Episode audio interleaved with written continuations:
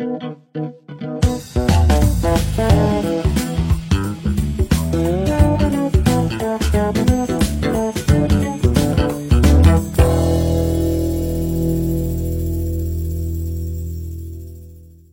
الصينية بقالها فترة. هي تجربة ملهمة كتير جدا في مجالات كتيرة مش من ضمنها المجال ال- الديمقراطي يعني.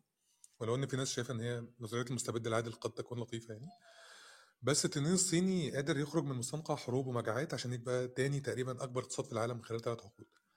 الصين كانت دولة بتعاني من مجاعة فترة من فترات يعني لتاني أكبر اقتصاد وهي عالجت حوالي ثلاث أخطاء يعني.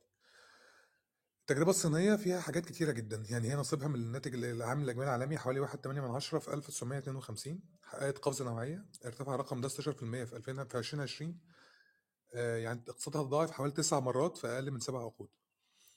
هي اتعلمت من أخطاء كتيرة جدا جدا جدا آه، من بعد ما نجح الحزب الشيوعي المسيطر على الحكم.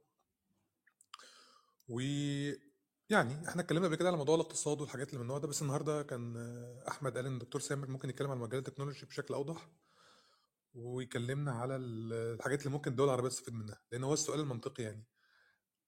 مش إن إحنا هنفيدهم بإيه إحنا هنفيدهم بكل حاجة. عندنا تجربة ديمقراطية في هناك في في مصر وفي الدول العربية كلها ممكن نديهم التجربه الديمقراطية بتاعتنا. في عندنا حكمة وفي عندنا آه، أسواق أسواق كبيرة يعني ينفع جدا نستهلك فيها بضياعهم وده بيحصل أصلا. في عندنا إيه تاني؟ في عندنا اياد عاملة في عندنا فلوس في عندنا أفكار عظيمة جدا ممكن تطرح عشان ما يتمش الاستفاده منها. بترول اتفضل عندنا في عندنا بترول بترول وغاز. عندنا بترول وغاز. عندنا مثلا آه، عندنا حاجات فذة. أعتقد تجارب المفروض إنها تتحط عشان خاطر الناس يقولوا شايفين الحاجات دي ما تعملوش زيها. فيعني دي دي في حد ذاتها حاجات بفلوس يعني. أنا مش هتكلم في السياسة عشان سامر ما بيتكلمش في السياسة ولا البيدي بس يعني أعتقد التجربه الديمقراطيه مش مكانها النهارده خالص. اتفضل يا دكتور سامر. ازي حضرتك؟ أخبارك إيه؟ منور. الله يخليك أنا آه، إزاي- إزيك أنا إزيك يا أحمد؟ آه، شكرا آه، شكرا يعني على استضافتك. آه، بن- بالنسبة ل... آه بالنسبة لل... إن إحنا نقدر كعرب يعني أو الدول العربية تستفيد إزاي من الصين آه، في مجال الذكاء الاصطناعي ففي طبعا آه، يعني أوجه استفادة كبيرة جدا. آه، إحنا يعني كلنا عارفين إن الصين حق- محققة طفرات في ال- في الآونة الأخيرة في الذكاء الاصطناعي طفرات كبيرة جدا. يعني يعني و- وظهر وظهر تطبيقات عديدة للذكاء الاصطناعي خصوصا مع فترة الكوفيد 19 و... و... وإن. وإن إزاي إن الحكومة الصينية قدرت آه، في وقت قصير جدا تحتوي ال- السبريد بتاع الفيروس في... وقت قصير آه، فعلى سبيل المثال يعني في لقينا إن في حوالي 540 مليون كاميرا كاميرا مراقبة في الشوارع والتقاطعات في الصين يعني تقريبا كاميرا لكل لكل ثلاث مواطنين آه، طبعا ال- ال- الغرض من الكاميرات ديت هي آه، بتستخدم آه، تقنية اسمها تقنية التعرف على الوجوه أو ال face recognition. آه، لا لأغراض كتيرة بقى. يعني ممكن تستخدم في أغراض آه، زي القبض على المجرمين. ممكن تستخدم في ال- التعرف على الناس اللي هي عندها كوفيد أو الناس اللي عندها حرارتها عالية أو كده على أساس يبقى يبقى يتم العزل الفوري ليهم. فطبعا كان في تعاون كبير مثلا على سبيل المثال آه، ما بين الشركات الصينية الرائدة في مجال ال face detection وبعض الشركات في السعودية دلوقتي في المملكة العربية السعودية إن هم بي- بياخدوا بعض يستفيدوا من بعض تطبيقات أو ال models المتقدمة في الصين للتعرف على الوجوه. في مثلا تطبيقات في ال- في السعودية اللي هي التعرف على الوجوه بغرض آه، آه، يعني لو حد بيرمي حاجة في الشارع أو كده يتم مخالفته في حال فده من ضمن الأغراض اللي كان اللي, تم مثلا أغراض السلمية يعني اللي تم التعاون فيها. آه، طبعا ناهيك بقى إن في إحنا عارفين إن في سباق محموم ما بين الصين وأمريكا آه، في في مسألة الذكاء الاصطناعي وإن الصين الحقيقة قدرت تحقق آه، يعني تفوق نسبي على أمريكا في بعض مجالات الذكاء الاصطناعي. مش بس في مجال التعرف على الوجوه لا في المجال التاني اللي هو آه، الس- السيارات ذاتية القيادة أو ال أو ال autonomous vehicles لأن الصين بصراحة آه، يعني آه، عن- قدرت تطور نماذج التعلم العميق بتاعتها أو نماذج ال deep ال deep learning يعني اللي هي بتستخدم في آه، في السيارات ذاتية القيادة آه، بشكل أقوى من مما هو متاح في أمريكا. نظرا لأن ال لأن ال يعني وجود data points كتيرة. يعني الصين إحنا بنتكلم في أكثر من مليار نسمة. ف- فبالتالي آه، بيتم تدريب ال models أو ال- الموديلات ال models ال models دي بكثافة على data كبيرة جدا. فال models لما كل ما ال data بتزيد طبعا بيكون الموديل تدريب الموديل أحسن والدقة بتاعته أحسن يعني. فبالتالي قدرت تحقق تفوق برضه في مجال السيارات ذاتيه القيادة. آه، وكان في كتاب ظريف جدا. يعني كان واحد واحد صيني من رواد الذكاء الاصطناعي في, أمريكا وفي الصين. يعني كان كتبه اسمه كايفو لي. آه، بيتكلم عن ال AI superpower وال competition ما بين آه، الصين آه، وأمريكا. فاحد إحدى ال quotes الظريفة من الكتاب ده إن هو قال يعني إذا كان إذا كانت البيانات هي نفط المستقبل فإن الصين هي تعتبر السعودية بتاعت بتاعت الذكاء الاصطناعي. نظرا لإن ال- الوجود يعني توفر data ك- كبيرة جدا في الصين نظرا ل- لوجود عدد سكان كبير جدا يعني. فطبعا ال- بالنسبة للاستخدامات الأخرى برضو في تقارب ما بين طبعا آه، الحكومة يعني ال- ال- شركات التكنولوجيا والذكاء الاصطناعي في الصين ونظيرتها في الإمارات العربية المتحدة رغم برضو كان في تحذيرات من أمريكا يعني إن إن إن إن من نتيجة التقارب ده لكن يبدو إن الإمارات لم تعبأ بال- بالتحذيرات ديت وفي تقارب شديد جدا وحتى إن كان كان في هناك تصريحات لل- اللي هو وزير الذكاء الاصطناعي في الإمارات آه، عمر العلماء آه، كان بيقول إن إن التقارب ده ضروري ولا بد منه آه، وإن إحنا قادرين إن إحنا نسيطر على المشاكل أو الكونسيرنز بما فيها سرية البيانات وال- والح- والحفاظ على خصوصية البيانات بتاعتنا وكده آه، فبالتالي ال- دي يعني إحنا شايفين إن في في الفترة الأخيرة بالذات تقارب شديد جدا ما بين الشركات الصينية خصوصا اللي بتعمل في الذكاء الصناعي في أغراض سلمية زي زي ما قلنا التعرف على الوجوه آه، السيارات ذاتية القيادة ونظيرتها في السعودية والإمارات. آه، أنا جاهز لأي أسئلة وأتمنى لو في حد عنده سؤال يعني آه، وأتمنى أكون يعني ما طولتش عليكم. شكرا شكرا نور شكرا يا أحمد. لا لا لا إزاي بس؟ لا إزاي مثلا في مجال الذكاء الاصطناعي مثلا دول دول زي دول الخليج السعودية والإمارات وغيرها هو في اتنين رافعين إيديهم هطلعهم حالا آه إزاي الدول إزاي الدول يعني الصين مثلا إزاي مثلا التشاينيز بات بايدو تنسنت وعلي بابا إزاي ممكن يفيدوا مثلا آه الدول العربية مثلا؟ إزاي مثلا شركات ويبو وإيه تاني؟ كانت شركات إيه تاني؟ ويبو وكان سينا كمان. إزاي ممكن ممكن اسمه إيه ده يفيدوا؟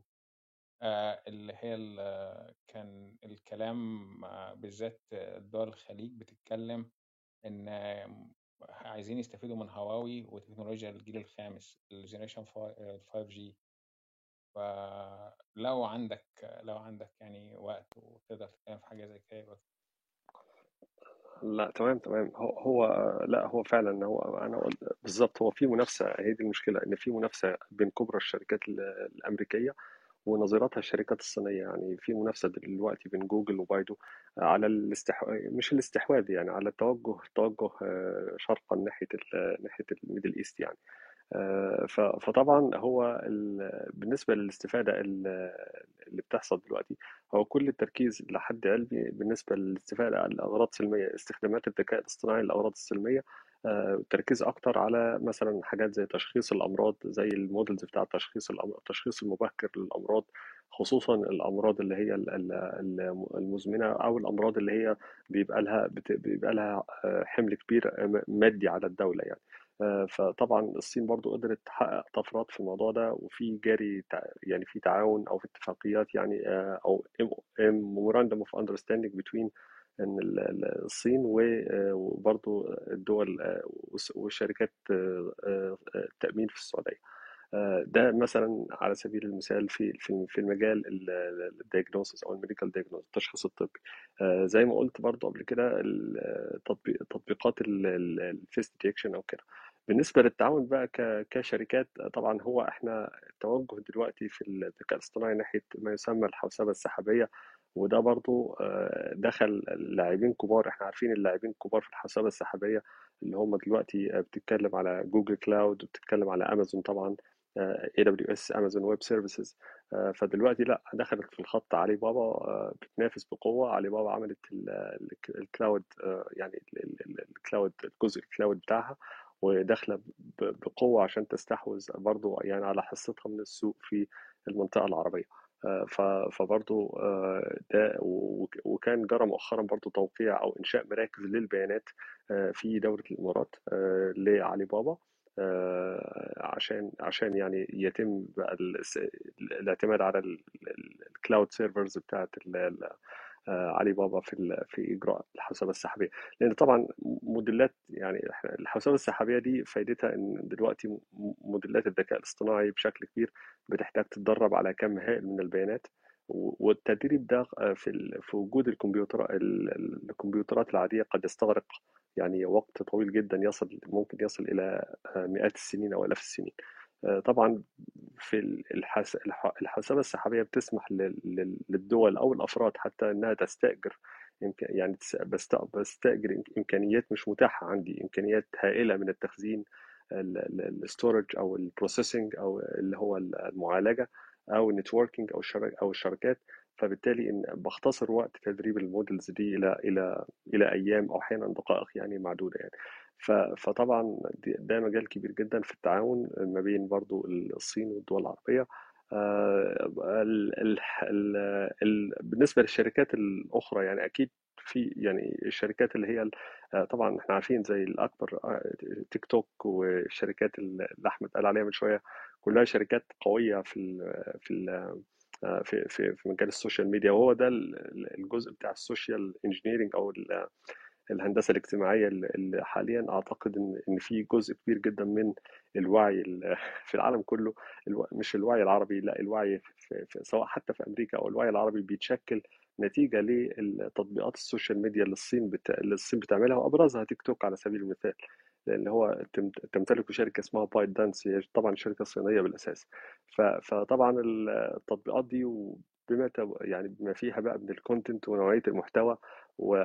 وحتى كنا قرأنا تقارير يعني آه، إن إن إن محتوى التيك توك اللي اللي يوظف مثلا في دا- في داخل الصين هو محتوى يشجع على الابتكار ويشجع على ال study وال hard work والإبداع وكده بعكس محتوى التيك توك اللي يبث مثلا في آه، دولة زي أمريكا اللي هو كله رقص وحاجات يعني آه، قد تكون غير مفيدة يعني.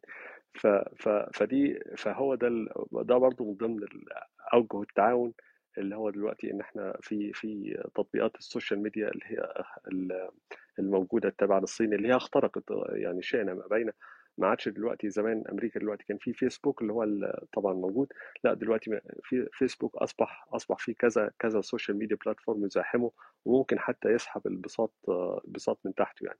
أتمنى قدر- قدرت أكون جاوبت على سؤالك أحمد وأشكرك تاني مرة. شكرا. طيب بس عشان الدكتور طارق معانا فهسيب دكتور طارق اتفضل دكتور طارق. دكتور طارق هو طبعا الفيسبوك زي وي شات في الصين وي شات ده كل حاجة في الصين. هو الفيسبوك الصيني يعني. و طيب ال cloud computing ال cyber security اللي هو الأمن السيبراني واللي هو السوحبة ولا السحوبة ال- مش عارف اسمها إيه اللي بالعربي تترجم زي cloud computing؟ الحوسبة السحابية. الحوسبة السحابية. آه. الصين أخبارها إيه في المواضيع دي؟ ال ال الحاجات ال- الأساسية بتاعت ال- الحاجات الأساسية بتاعت ال AI وكده. هل هل أنت أنت كنت قلت لي قبل كده إن الصين عدد الأبحاث اللي عملتها في 2021 2020 sorry؟ عدت أمريكا بس أنت قلت لي quality الأبحاث موجودة أكتر في أمريكا. ال quality أعلى لسه بز- بالظبط. هو هو فعلا آه، زي ما قلنا إن في تنافس محموم في الذكاء الاصطناعي ما بين اللاعبين الثلاثه الكبار نقدر نتكلم عليهم باختصار هو طبعا الصين والولايات المتحدة الأمريكية والاتحاد الأوروبي. وكان في ورقة ورقة بحثية رائعة يعني يعني تقريبا 45 صفحة است- استفاضت في في عمل مقارنات ما بين القدرات الذكاء الاصطناعي في الثلاث أماكن دول. آه، كان طبعا ما ينفعش آه، الخلاصة ما ينفعش مطلقا نقول إن الصين أو أمريكا أفضل على الإطلاق في الذكاء الاصطناعي لأن الذكاء الاصطناعي له فروع كتيرة جدا فروع كتيرة جدا يعني. آه، زي فروع تعلم الآلة اللي هو ال machine learning فرع ال deep learning أو الت- التعلم العميق فرع اللي هو ال robotics والروبوتات والأتمتة. آه، فطبعا آه، مفيش حد متفوق في كل حاجة. فإحنا إحنا قلنا مثلا من شوية إن إن الصين تتفوق في مجال التعلم العميق أو اللي هو ال deep learning اللي هو آه، ومن خلاله قدرت تط- تطور نماذج آه، نماذج قوية جدا في التعرف على الوجوه نماذج قوية جدا في آه، السيارات ذاتيه القيادة. لأ أمريكا بصراحة ممكن تكون تتفوق في مجال الحوسبة السحابية. الحوسبة السحابية طبعا هي آه، زي ما قلت هي بتمكن بتمكن الشركات والمؤسسات والأفراد من إجراء عمليات آه، عمليات معقدة على على أو است- است- استئجار إمكانيات عالية جدا من من ال storage وال processing وال networking أكتر من المتاحة المتاحة حاليا. آه، فطبعا نظرا لوجود في طبعا أمريكا بدأت في موضوع الحوسبه السحابية من قبل الصين. وفي أكتر في تقريبا ثلاث شركات أمريكا أمريكا أمريكية قوية جدا في موضوع ال cloud computing اللي هم جوجل عملت عمل Google Cloud Platform وفي امازون طبعا غنية عن التعريف عاملة Amazon Web Services وفي آه، آه، آه، مايكروسوفت اللي هي عاملة Microsoft Azure آه، نظيرهم بقى في الصين علي بابا اللي هي لسه داخلة السوق حديثا. ما بقى لهاش فترة طويلة ولكن رغم كده بدأت تنافس بقوة وتستحوذ على على على حصة كبيرة من السوق في ال Middle East يعني. آه، برضو جزء من فرع من فروع الذكاء الاصطناعي اللي أحمد اتكلم فيه من شوية هو تطبيق تطبيقات شبكات الجيل الخامس أو ال 5G آه، طبعا شبكات الجيل الخامس طبعا بتبقى شركات شبكات يعني أسرع أسرع بكتير جدا من شبكات ال- الجيل الرابع اللي إحنا ممكن تكون حاليا فيها أو معظم الدول دلوقتي في ال 4G فطبعا ال 5G لا أسرع بتوفر سرعة هائلة في نقل البيانات وبالتالي بقى بتنعكس في كل بقى مناحي الحياة في اتصالات أسرع ابلكيشنز أسرع آه، تحديثات للبيانات بتتم بشكل أسرع. آه، فطبعا الصين الحقيقة محققة طفرة كبيرة جدا مقارنة بالولايات المتحدة وأوروبا. آه، فهي الصين تعتبر واحد رقم واحد دلوقتي في ال 5G آه، في شبكات طب ال- دكتور سامر الجيل ممكن أسألك سؤال؟ أمرني اتفضل. هو أنا لو عارف أنا أنا فاكر إن إن من 2013 تقريبا يمكن من قبل كده كانت الت- التجربة الصينية شغالة في في كذا مكان من ضمنهم صربيا مثلا من ضمنهم الخليج بشكل كامل الدول اللي هي ذكية اللي هو يعني شبكات ال 5G والذكاء الاصطناعي المدن اللي فيها ذكاء اصطناعي شغالة بشكل أو بآخر جوه الخليج كله حتى في مصر في العاصمة الإدارية الجديدة أعتقد إن هم كانوا خدوا خدوا شوية حاجات من الشركات الصينية. فهو already في تعاون لو أنا فاهم صح. هو الفكرة كلها إن هم ينقلوا ال- know-how إزاي يعني اللي أنا فاهمه لو أنا فاهم صح حضرتك ممكن تصحح لي يعني. إن في صربيا مثلا آه، في في قطر في الإمارات في الكويت في السعودية في حاجة في حوالي تعاون بيمكن 320 مليار دولار أو حاجة زي كده يعني. في في تعاون كبير جدا جدا جدا. وهم طول الوقت بيشتغلوا حتى على الجسور على, يعني بيستخدموا ال networking وال 5G والكلام ده كله في ربط الكلام ده كله ببعض. أنا فاهم صح؟ ولا أنا يعني فاهم إن هم هيدوا الناس النو هاو لا هم حتى اتكلموا على حاجتين حاجتين حاجتين كانت من ضمن ال- الحاجات اللي هي بالنسبة لي غريبة جدا هم هيساعدوا الخليج ومصر في الفضاء. فيعني أنا في تكنولوجيا الفضاء إن هم هينقلوا لهم تكنولوجيا الفضاء بشكل كامل. آه، فده حسب الك... ده حسب بيان المؤتمر النهائي إن هم هيعملوا ده. بس مش لا ده حقيقي لي جدا. ولو في حاجة زودها لي لا مظبوط جدا. ما فيش فيش غلط. آه، لا كله صح. هو فعلا في في يعني في أصلا آه، الصين خدت عقود آه، فعلا الشبكات إنها تعمل شبكات 5G في مش بس في صربيا وفي مصر لا في بعض في بعض الدول الأفريقية في الأخرى يعني.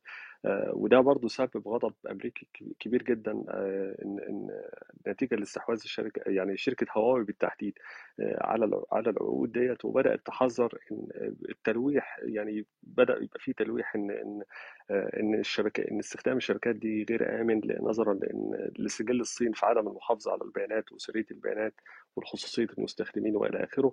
ولكن آه، واضح إن ما فيش حد لم يعني كل الدول دي لم تعبأ بالتحذيرات ال- بما فيها أوروبا. حتى حتى في تعاون كان كان في تعاون كبير جدا ما بين ال UK المملكة المتحدة آه، والصين في إن هو الصين بتعمل شبكات 5G في ال UK برضه آه، ف وده أدى برضه لما أمريكا ما لقتش فايدة في في في الدعاية الدعاية اللي عملتها دي.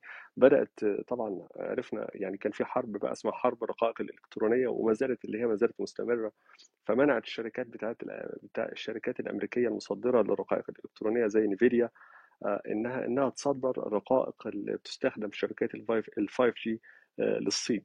وده يمكن أثر على مبيعات شركة هواوي اللي هم يعني يعني اعترفوا بده بشكل بشكل كبير وقالوا ان إن طبعا العقوبات اللي أمريكا عملتها في حرمان تصدير تصدير الرقائق دي تاثر على المبيعات بشكل كبير جدا. في خصوصا في النصف الأول من 2022 السنة 20 آه السنة اللي إحنا فيها دي. لكن لكن ده برضو ما منعش إن إن لا الصين قوية قوية جدا في إنشاء شبكات ال 5 جي يعني إنها بتقدر أحدث تقرير قريته كان إن الصين بتقدر تعمل دلوقتي شبكات ال 5 جي في تقريبا نص المدة اللي أمريكا تقدر تعملها. يعني لو أمريكا بتعملها في ست شهور هي الصين بتعملها في ثلاث شهور وبثلث التكلفة.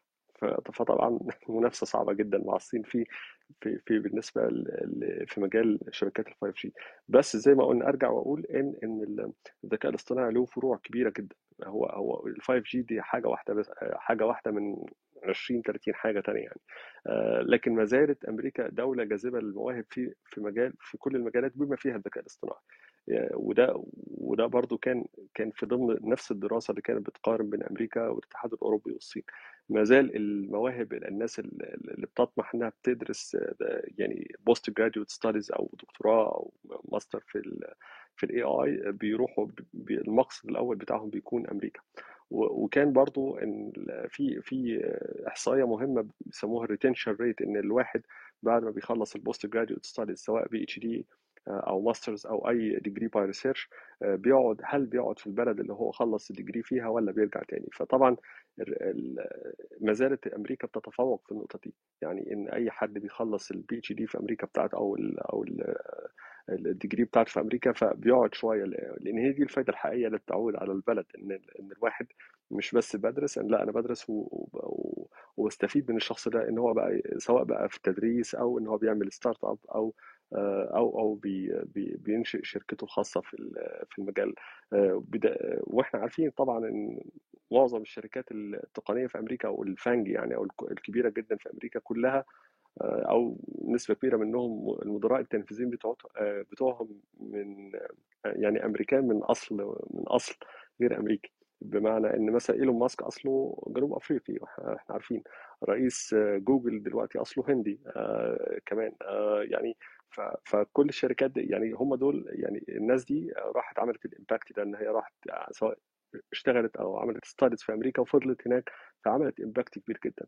وده اللي الصين بدأت تحاول فيه مع مؤخرا إن عملوا استراتيجية للتوجه نحو ال Middle East وأفريقيا وقدموا تقريبا أكثر من 5000 منحة في الجامعات الصينية لدراسة الذكاء الاصطناعي مخصصة بس لأفريقيا للطلبة الأفارقة. وده برضه عزز التعاون العلمي إن إن خلى في طلبة افارقه كتيرة بدأوا دلوقتي يروحوا الصين ويدرسوا المجال دوت وأكيد لما هيرجعوا هيبقى في connection موجود ما بين الدولة اللي هم درسوا فيها والدول بتاعتهم ف فبالتالي ده يعني دي ال long term plan وده وده دي حاجة الصين ماشية فيها بس لسه محتاجة وقت على ما تدي اكلها يعني على ما تدي الثمار بتاعتها فباختصار يعني إن طب سؤال بس دكتور سامر هو هو شخص عنده عنده ال know-how يديها لك ليه؟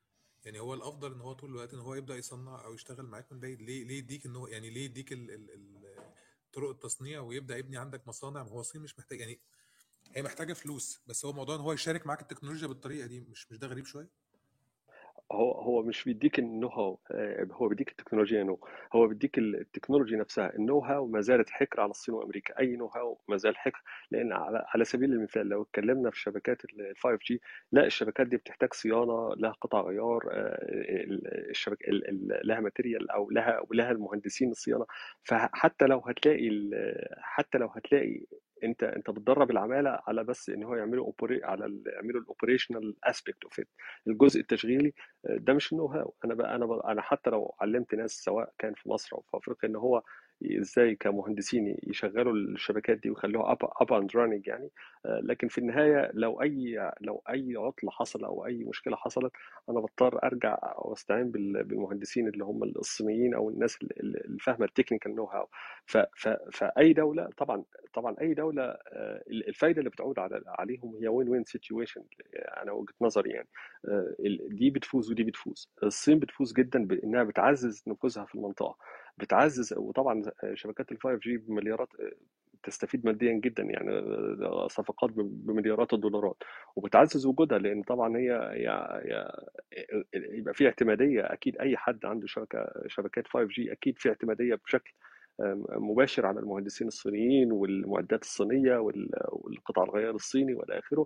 الدول الثانية اللي اللي بتستعمل 5 جي السبب واضح إنها عندها عندها توجه مثلا نحو المستقبل وزي زي زي زي ما أنت قلت smart cities أو المدن الذكية فمحتاجة كل شيء كل حاجة تبقى مربوطة بقى بشكل أسرع ويبقى في سرعة كبيرة جدا في نقل البيانات خصوصا مع مع ثورة ال AI والـ drone يا دكتور صح؟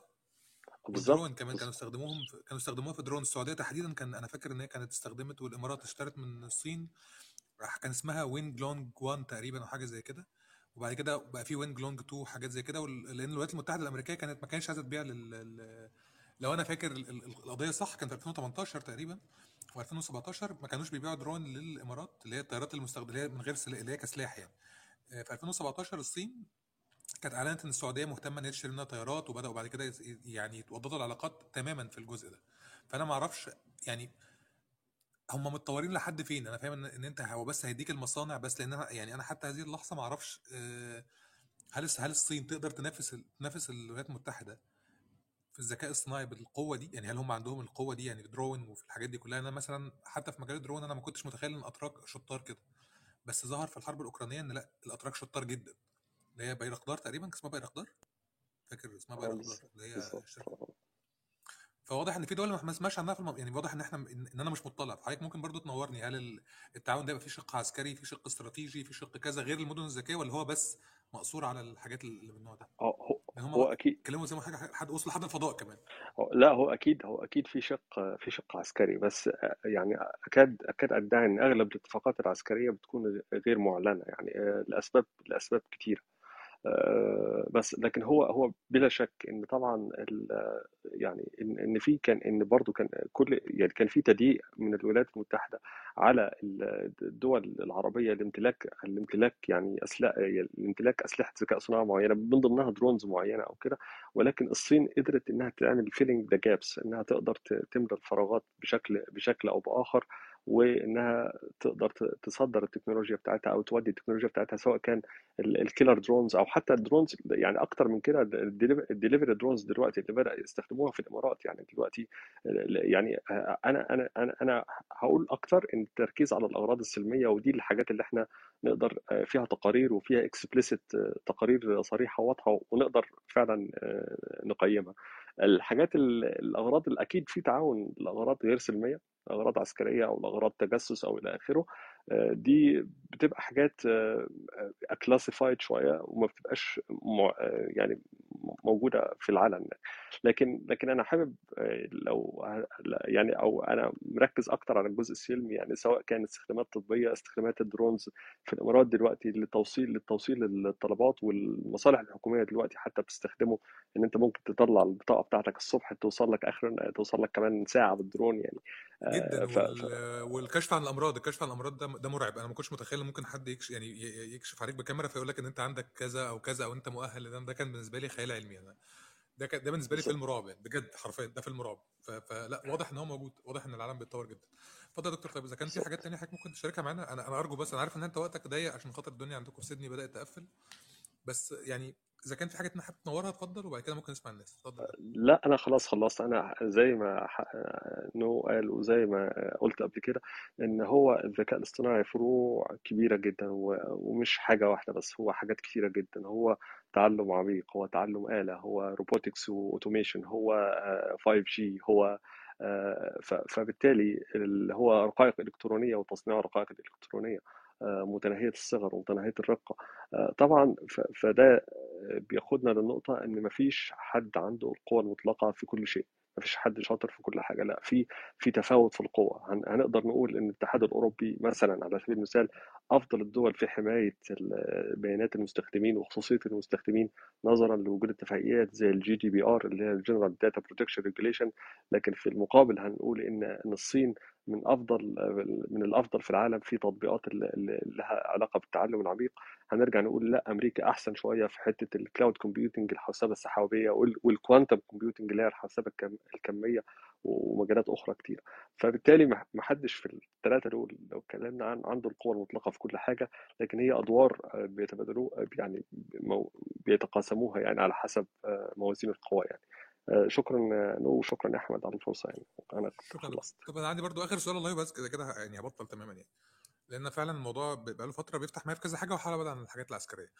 لو أنا افترضت إن الصين عندها التكنولوجيا فأنت محتاج إنك تتعلم اللغة الصينية. يعني هم بيدوا منح غريبة جدا بالمناسبة من عندهم منح عظيمة. يعني الناس اللي مهتمة بالمنح وبالدراسة والتعليم بيقدموا منح عظيمة للدول العربية. آه، يمكن تكون القمة دي هتفتح السوق أكتر إن إحنا الناس تبدأ هناك تشتغل أو تروح هناك تاخد دورات أو كورسات وكده لأن هو ده اللي هيعلم الناس هو الناس مش ممكن تتعلم غير لو سافروا. أنا مش مقتنع كام واحد بيسافر.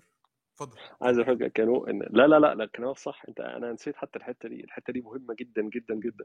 آه، ده ده الإدراك بتاع أهمية التعلم اللغة الصينية ده إدراك يعني أدركته الحكومات ال- خصوصا في الإمارات والسعودية إدراك كبير جدا. وده وفي مصر حتى تحية كبيرة ليهم بصراحه يعني الإمارات دلوقتي بدأت أو ادرجت مش بدأت ادرجت already اللغة الصينية كلغة تانية بعد اللغة الإنجليزية. الأطفال يتعلموها في المدارس من الابتدائي. يعني في choice دلوقتي لو أنا عايز أتعلم لغة بغير الإنجليزي لأ ممكن أتعلم صيني أو ألماني أو فرنساوي. آه، ما كانش موجود اللغة الصينية من ضمن ال options دي حاجة. نفس الكلام السعودية دلوقتي بتدرس إدراج اللغة الصينية في المناهج التعليمية في المدارس. نفس الكلام. ال- في في بقى تعاون في مصر بقى على في المركز الثقافي الصيني برضو بيقدم إن هو بي طبعا آه، تقديم دورات اللغة الصينية. كونفوشيوس مراكز كونفوشيوس ال 22 في الواحد في العالم العربي. بالظبط بالظبط فهو يعني لأ هو وفعلا أنا كنت اتكلمت مع أحمد قبل كده قلت له يعني إن أو مع الدكتور لبيدي قبل كده قلت له إن يعني أي حد فعلا عنده يعني عنده يعني عنده ابن أو بنت أو بيفكر إن هو زي زي ما إحنا بنقول يعني إحنا خايفين كبشر من فكرة بيفكر الاوتوميشن آه لأ بيفكر خايفين من فكرة؟ الاستبدال لا لا ده, فيلم اسمه الحاسة السابعة. كان قايم على حاجة زي كده. لا لا خالص بس هو كان هو بيفكر بالصيني. كان حد بيقرأ الأفكار بس اللي كان قدامه كان بيفكر بالصيني. فهو الفكرة بس إن أنت لما بتتكلم إن هو يعلم ابنه فأنا قلت إن هو يعلم ابنه اللغة الصينيه ويبدأ يفكر بالصيني. ده مهم. مهم إن هو يبدأ يتعلم ال know-how. يتعلم إزاي يفكر بس يفكر إزاي بيعملوا ده. الناس دي لو راحت هناك منح مش ممكن تيجي تعلم الناس بقى إزاي يبنوا؟ يعني مش ده يمكن يفرق في جيل أو كمان ثلاث أجيال؟ أنا فاهم صح؟ يفرق يفرق ويفرق في أكتر في ال relationships وهو ده القوة الناعمة. هو دايما آه، يعني دي القوة الناعمة بتاعت أمريكا الجامعات بتاعتها والقوة الناعمة بتاعت الصين برضو الجامعات وكده فهو قوة ناعمة للطرفين. يعني خلي بالك انت آه، لما لما كمان الناس هتتعلم في الصين هيبقى في علاقات قوية هيبقى في أصدقاء أصدقاء صينيين سواء طلبة أو سياسيين أو جامعيين أو إلى آخره. فهو ده يعني هو الموضوع له أبعاد بس مش مش مش قد ال technical know-how إن أنا أتعلم بس قد إن هو ال wealth of relationships وقيمة العلاقات دي إن أنا أتخيل هتتعلم في مكان وانت عندك أصدقاء هناك وزراء وكده. فبالتالي انت ال- ال- الحاجات دي بتأثر في القرارات وبتأثر في ال في في ال- في العلاقات السياسية بشكل كبير. آه، فالصين الصين عاملة ده صح كويس جدا. يعني بداية يعني بجانب الذكاء الاصطناعي والاستثمارات فيه في أفريقيا وال Middle East كبير بشكل كبير آه، طريق الحرير والى آخره والى آخره واستثمارات في المصانع والمنح اللي بتقدمها للطلبة في أفريقيا وفي ال Middle East يعني. فكلامك مظبوط جدا الحقيقة. يعني يعني حضرتك بتنصح المهندسين مثلا اللي هم شغالين في المجال ده اللي هم مهتمين بلغة تانية غير الإنجليزي تبقى اللغة الصينية؟ آه آه. أو تبقى قبل كمان؟ آه آه، آه، أنا مش بنصح أنا actually أنا عندي ابني يعني كانوا بيدوا إيطالي قلت لهم لأ خل أنا عايز اخد ماندرين ومش عايز إيطالي يعني كانوا بياخد دلوقتي إنجليزي وطبعا إيطالي كلغة تانية فكان في option إن أنا أختار حاجة قلت لهم لأ أنا عايز أخد صيني بس وخلاص فأي حد يعني أنا شايف إن زي ما زي ما حضرتك قلت هو ده يعني آه، ده مستقبل. آه، مش عشان الناس كتير بس مش عشان انت أكتر من مليار ونص بيتكلموا صيني. لا عشان عشان فعلا الصين ده black box يا جماعة. يعني الصين صندوق أسود ما حدش هيعرفه غير اللي بيتكلم اللغة بتاعته. آه، بدليل إن في في أكيد كلنا سمعنا عن حاجة اسمها تشات جي بي تي تشات جي بي تي ده ده شركة OpenAI اللي هو بتاعت المملوكة لايلون ماسك نزلت حاجة رهيبة جدا يعني على مستوى تفكير البشر كده. بس يعني هو طبعا ده محتاج room on its own يعني محتاج غرفة لوحده. بس اللي أنا عايز أقوله إن يعني إن جزء كبير من العلماء الصينيين أو الناس اللي الصينيين بيشتغلوا عليه بقول لك إن لأ إن ال- ال- ال- التطبيق ده تع- تعبان أو جدا لو هم قدروا يعني يعني باستخدام اللغة الصينية إن هو بيسألوه أسئلة بيتجاوب بيدي, بيدي أجوبة غلط. فإحنا مش هنقدر نفهم يعني أنا مش مش هنقدر نفهم مدى قوة الابلكيشنز اللي الصين بتعملها ونقدر نقارن نقارنها بنظيرتها مثلا في أمريكا أو في أوروبا غير يعني أنا شايف كده يعني غير لما نتعلم اللغة الصينية. ضروري جدا بصراحة يعني خصوصا في العاملين المجال في مجالات الهندسة والذكاء الاصطناعي يعني. لا دكتور هو مهم إن يكون في منافس عموما. أنا أنا إن فكرة إن في منافس لل للتكنولوجيا الأمريكية وللتكنولوجيا يعني إن يكون في منافس وبيتعاون معاك هو ده في حد ذاته يعني حتى لو هو يمكن أقل جودة أو ما أعرفش أنا ما أعرفش الجودة بتاعته ما أقدرش أحكم عليها في المجالات اللي من النوع ده بس يكون في بديل أصلا ده شيء م... ده شيء مهم يعني ده اللي بيخليك على التراك. ماشي اتفضل يا أحمد. لا تمام تمام تمام. أنا فوزي فوزي عايز تقول حاجة؟ فوزي؟ السلام عليكم. آه، شكرا أنا استمتعت بكل الحديث. ولكن العودة للمقال بخصوص التجربة الصينية أنا أود أن أتحدث على على هوية الاقتصاد فيما يتعلق بصورة عامة لأنه هو هوية الاقتصاد هي التي تحدد آه، نوع التجربة. هل سنذهب آه، نحن كدول عربية إلى التجربة الصينية أم سنذهب إلى التجربة الرأسمالية؟ بالإضافة إلى أن الآن هناك نوع ثالث من الاقتصاد وهو الاقتصاد المختلط Mixed Economy اللي نشأ في إسكندنافيا واللي هو حاليا بيحصد كل مؤشرات التنمية الاقتصادية. كان آخرها ال Quality of Life ووصولا إلى مؤشر السعادة ال Happiness Index اللي هو أخير وخصصت له الإمارات العربية وزارة البزنس موديل أو الهوية الاقتصادية مهم جدا آه، في تحديد التوجه الدول العربية من ناحية اقتصادية لأن التطور التقني أعتقد إنه هو أصبح متاح وأصبح موجود ولكن آه، قبل أن نتفق على هوية الاقتصاد لن نستطيع آه، أن نذهب إلى أي اتجاه. آه، وبالتالي يعني وخاصة الدول العربية يعني الدول العربية واللي هي مقسومة بين قسمين قسم يمتلك الموارد الطبيعية المتمثلة في النفط وقسم يمتلك الموارد آه، البشرية اللي هي أيضا تعتبر آه، الآن من أهم الموارد خصوصا في التطور التقني اللي مفتوح. التجربة الصينية هي تجربة هي امتداد للتجربة الاشتراكية التي سقطت في الاتحاد السوفيتي. عندما سقط الاتحاد السوفيتي تبنت الصين نفسها التجربة الاشتراكية. ولكن آه، ما طورته التجربة الصينية هي فصل الملكية على الإدارة. آه، فصلت الملكية على الإدارة ولكن ما زالت الدولة أو القطاع العام هو الذي يمتلك آه، الموارد ويمتلك الخدمة.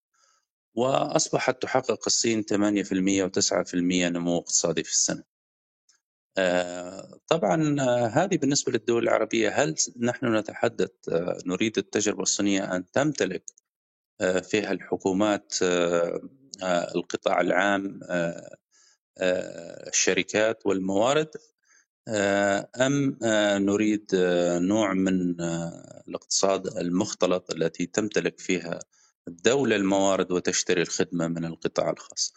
أعتقد أن الإجابة على هذه الأسئلة في فيما يتعلق الهوية الاقتصادية هو ما يمكن من آه، كيف يمكننا الاستفادة من آه، التجربة الصينية. هل يمكن كت بيس ولا نسخ ولزق أم آه، إحنا نستفيد من كل تجربة ميزاتها لأن أيضا حتى في التجربة الرأسمالية هناك ميزات وهي ما أدت يعني الحرية الحرية ما أدت إلى آه، أن تقدم نفسها كتطور كبير جدا و آه، إلى أعلى المستويات فيما يتعلق بالتنمية والتكنولوجيا الجانب الآخر وهو ربط كل هذا التطور بناء إذا حددنا الهوية الاقتصادية يمكن من خلاله أن نذهب إلى الخطوات اللي بعدها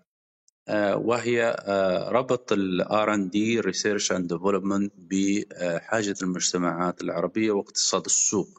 وتموضع الاقتصاد العربي داخل اقتصاد عولمي وعالمي يرفعه معه لأن اليوم لم يعد هناك أن تستطيع أن تعيش لوحدك يجب أن تعيش في عالم وعولمة وبدل ما أن تعادي هذه العولمة عليك أن تستفيد منها لأنها يمكن أن ترفعك إلى عوالم أخرى ومستويات أخرى. فبالتالي هذه النقطة وهي ربط البحث العلمي سواء كان في جامعاتنا إلى احتياجات السوق ومخرجات الإنتاج والسوق وتخفيض ما ينتج حتى للوصول إلى الطبقات اللي هي أقل دخلا. هذا كله يجعلنا نشتغل على مستوى آخر وهو مستوى التنافسية اللي هو تكلم عليه مايكل بورتر. كيف تحدد كل دولة من هذه الدول العربية تنافسيتها الاقتصادية؟ وأين تكون لديها الميزة النسبية؟ لأن الاقتصاد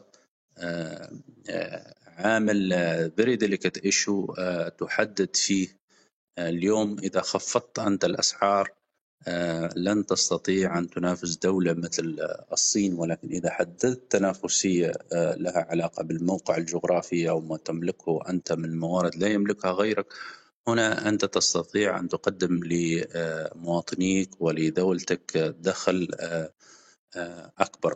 وهناك تجارب عديدة حقيقة نجحت فيها منها تركيا مثلا منها تجربة النمور الآسيوية. كلها هذه استطاعت أن تنقل دخل الفرد من إلى أكثر من 10% و15% استطاع يعني انتقال المرتب العامل التركي من 100 دولار إلى 1000 دولار. هي تجارب ناجحة رغم اختلافنا مع تركيا سياسيا. ولكن على الأقل يمكن أن نقول هناك تجارب ناجحة يمكن الاستفادة منها. فبالتالي أعتقد للإجابة حتى لا أطيل الإجابة على هذا السؤال. التجربة الصينية في حاجة إلى دراسة ولكن المهم هو أن نحدد الهوية الاقتصادية والتنافسية الاقتصادية وتموضعنا داخل اقتصاد عولمي. شكرا أسف على الإطالة شكرا أستاذ فوزي. أه والله هو طبعا ما فيش تجربة هتبقى قص ولزق. ما ينفعش تعمل copy paste التجربة الصينية أو الكورية أو اليابانية أو حتى التجارب الغربية في في الصعود بتاعها أو النهضة بتاعتها تقدر تطبقها على دولة عربية معينة مصر المغرب السعودية غيرها. ما ينفعش.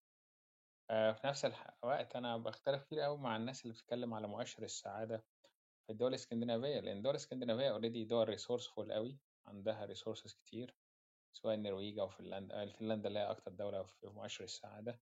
دي دول عدد سكانها قليل ودولة resourceful جدا فبالتالي ما ينفعش ما ينفعش يعني أو يعني في ناس بتحب تقارن بس بيس أنا بالنسبة لي أنا ده رأيي الشخصي يعني. ما ينفعش أقارن فنلندا مثلا بدولة زي الصين لكن أقدر أقارن الصين بدولة زي الهند مثلا. عدد السكان قريب من بعض كده يعني. لكن فنلندا مثلا عايز تقول حاجة أنا؟ لا لا كنت عايز أقول إن أنا حطيت له على القناه هو في أصلا منتدى عربي اقتصادي صيني تقريبا بقاله كذا سنة بيعقد كل فترة جلسات. وبعت على القناه تقرير عن التعاون الاقتصادي الصيني العربي في العصر الحديث يعني. هو مترجم ترجمة لطيفة يعني. هو شين خوا الأدبيات الصينيه بتترجم حاجات لطيفة يعني. حضرتك لو قريته حضرتك لو دخلت على اللينك اللي فوق بتاع القناة و... ونزلت التقرير سيب بس أول أربع صفحات لأن هم بيتكلموا أو مش أول أربع صفحات أول جزء كده بيتكلم عن العلاقات التاريخية الصينية وإحنا إزاي كنا كويسين وإزاي من أيام الملك وإزاي جامعه الدول العربية. انسى الحاجات السياسية دي خالص وابدأ خش على الاقتصاد. هتلاقي فيه كلام كتير جدا على اللي أنت بتقوله بس هم زي ما أحمد قال لك ما ينفعش يكون في نموذج قص ولزق هم بيساعدونا والفكرة كلها إن أنت يبقى عندك داعم جوه في العالم زي الصين. داعم اقتصادي زي الصين. بس أنا آسف اتفضل يا أحمد. لا لا لا لا تمام. تمام. وهو كلامه على فكرة على هوية الاقتصاد دي حاجة مهمة جدا يعني. هي يعني الفكرة الفرق بين الرأسمالية مثلا الأمريكية والرأسمالية الصينية. الرأسمالية الأمريكية لحد كبير بتقدر تتحكم في السياسة لحد كبير مش لحد مطلق يعني لحد كبير بتقدر تتحكم في السياسة. يعني بما إن الرئيس والأح- والأح- الحزب الديمقراطي والحزب الجمهوري بيعتمدوا كتير قوي على التبر- التبرعات المؤيدين والمساعدين المؤيدين ليهم. آه، التجربة الصينية العكس الحكومة بتقدر تتحكم كتير جدا في ال يعني آه، في ال- في النظام الرأسمالي أكتر فده ده ممكن يبقى مختلف. بس طبيعة الدولة برضو مختلفة. آه، إحنا لما بنبص على دلالات صعود الصين مثلا إن هي دولة مثلا من دولة كانت يعني قدرت تنتشل 850 مليون مواطن من الفقر وده رقم خيال كبير جدا رقم كبير جدا قدرت تبقى يعني يعني مثلا الاقتصاد الصيني كان يشكل لا يتعدى 5% من حجم الاقتصاد العالمي آه، في أول في أول التسعينات. دلوقتي يمثل 17 ل 18% من حجم الاقتصاد العالمي. فدلالات الصعود دي آه، كتير جدا آه، منها إن هم عملوا ال 14 economic zone المنطقة المنطقة الصناعية الخاصة أو ال- اللي هم عملها دينغ شاوبينج اللي هو رئيس ال- اللي هو ال reformist بتاعهم عملها في جنوب وشرق الصين. آه، اللي عايز أقوله لسامر يعني عايز هل أم- أمريكا مثلا زي ما قال no way مثلا يعني كان عندها مثلا بت... عشان تديك تكنولوجيا معينة آه، ساعات يعني مش ه- بالبلدي كده بتذلك على أساس إن أنت يبقى ليك في شروط معينة للدول إن اللي هي تتلقى ال- التكنولوجيا دي. المنح المشروط المنح المشروط. المنح المشروط بالظبط جبت الكلمة الصح. لكن الصين ما عندهاش العوائق دي. الصين بت... الصين برضو بتمنح مشروط يا أحمد بس هم بيمنحوا بشروط أقل شوية. محدش بيديك حاجة من غير من غير تمن غير أبوك وأمك أنا آسف يعني أو أبويا وأمي يعني أو ابو أو أبو أي حد وامه مفيش حد هيديك حاجة ببلاش هو في الآخر آه، آه، طيب خليني أقول لك أقول لك شوية أرقام كده تعرف ليه الصين هتساعدك يعني. في 2004 كانت المبادلات التجارية بين 7 37 مليار دولار. في 2021 كان التبادل التجاري بين الصين والدول العربية 330 مليار دولار. الاستثمارات الصينية حوالي 200 ور- آه، ال 214 مليار دولار أغلبها في السعودية الإمارات بالترتيب والعراق مصر والجزائر.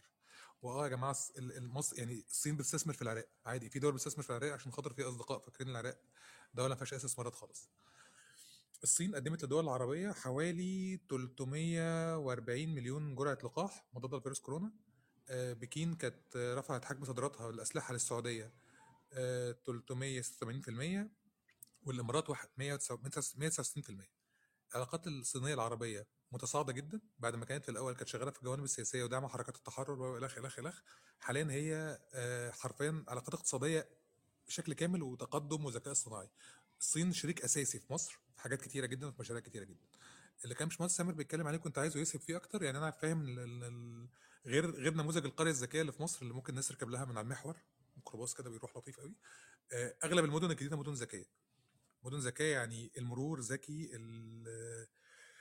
أنا حتى يعني مش عارف أشرح التكنيك لأن هو الناس اللي بيتعاونوا معاه فاهمينه البلد كلها شغالة بشكل اوتوماتيك يعني وده فيه شوية خطورة يمكن في المستقبل لو إحنا ربنا إن شاء الله كرمنا بهاكر وبقى عندنا مافيا كده والله يا دكتور سامر نفسي نفسي يبقى في مافيا في مصر كده وناس محترمين وهاكرز قاعدين بيعملوا حاجات. لكن مفيش آه، عندنا في مصر لحد دلوقتي التكنولوجيا وصلت لدرجة إن هي بقت ذكية. يعني إحنا لحد دلوقتي عندنا مدام سعاد ومدام عفاف واستاذ إبراهيم اللي قاعدين في الدور الثامن مفترض إن هم هيعملوا كل ده الارشفه دي كلها تتحول لحاجات ذكية. وأعتقد إن الصين داخلة فيها كشريك أساسي يعني. وأعتقد ده موجود في كذا حاجة العاصمة الإدارية الجديدة برضو نموذج منه فكنت حابب الدكتور سامر لو حابب يعني يشرح لنا هو ده يعني إزاي ممكن يتحول يعني إيه يعني إيه أصلا أنا أنا لحد دلوقتي مش فاهم إيه مجالات تطبيق الذكاء الاصطناعي غير ال- إليكسا دي اللي هو اعملي لي الشاي قولي لي الساعة كام إحنا هن- هنعمل أنا أنا ما بستخدمش مش فاهم أنا بستخدمها في حياتي إزاي. يمكن لأن الحياة بره أسهل فأنا مش فاهم قوي فلو حضرتك ممكن بس تنور شوية يعني إيه إيه الاستثمارات اللي ممكن تحصل وإيه الحاجات اللي ممكن نستفيد منها؟ بعيدا بقى عن موضوع ال- الجوانب الأمنية والسياسية لأن أنا عارف مثلا إن في عقد بين هواوي وبين الدولة الصينية تم عقده في 2017 بيجبر الشركة دي وبيجبر كل الشركات اللي فيها تكنولوجيا إن هي تقدم للحكومة الصينية مع- المعلومات لو طلبتها. ودي يمكن نقطة الخطورة الوحيدة. معلش أنا آسف بس الجزء آخر جزء ده كان تنويه لابد منه. آه، لا لا تمام. سؤال سؤال جميل. هو هو طبعا الذكاء الاصطناعي يعني أنا مش هبالغ لو قلت في كل حاجة حوالينا حرفيا. آه، آه، آه، وبرضه هنا ينبغي التفريق بين حاجتين. ما بين التقنيات طبعا تقنيات الذكاء الاصطناعي من تستخدم في في المدن الذكية ولكن المدن ال smart cities مش بس الذكاء الاصطناعي. هي أكتر حاجة بتعتمد عليها حاجة اسمها ال IoT أو ال- ال- الإنترنت ال Internet of Things اللي هو انترنت الأشياء.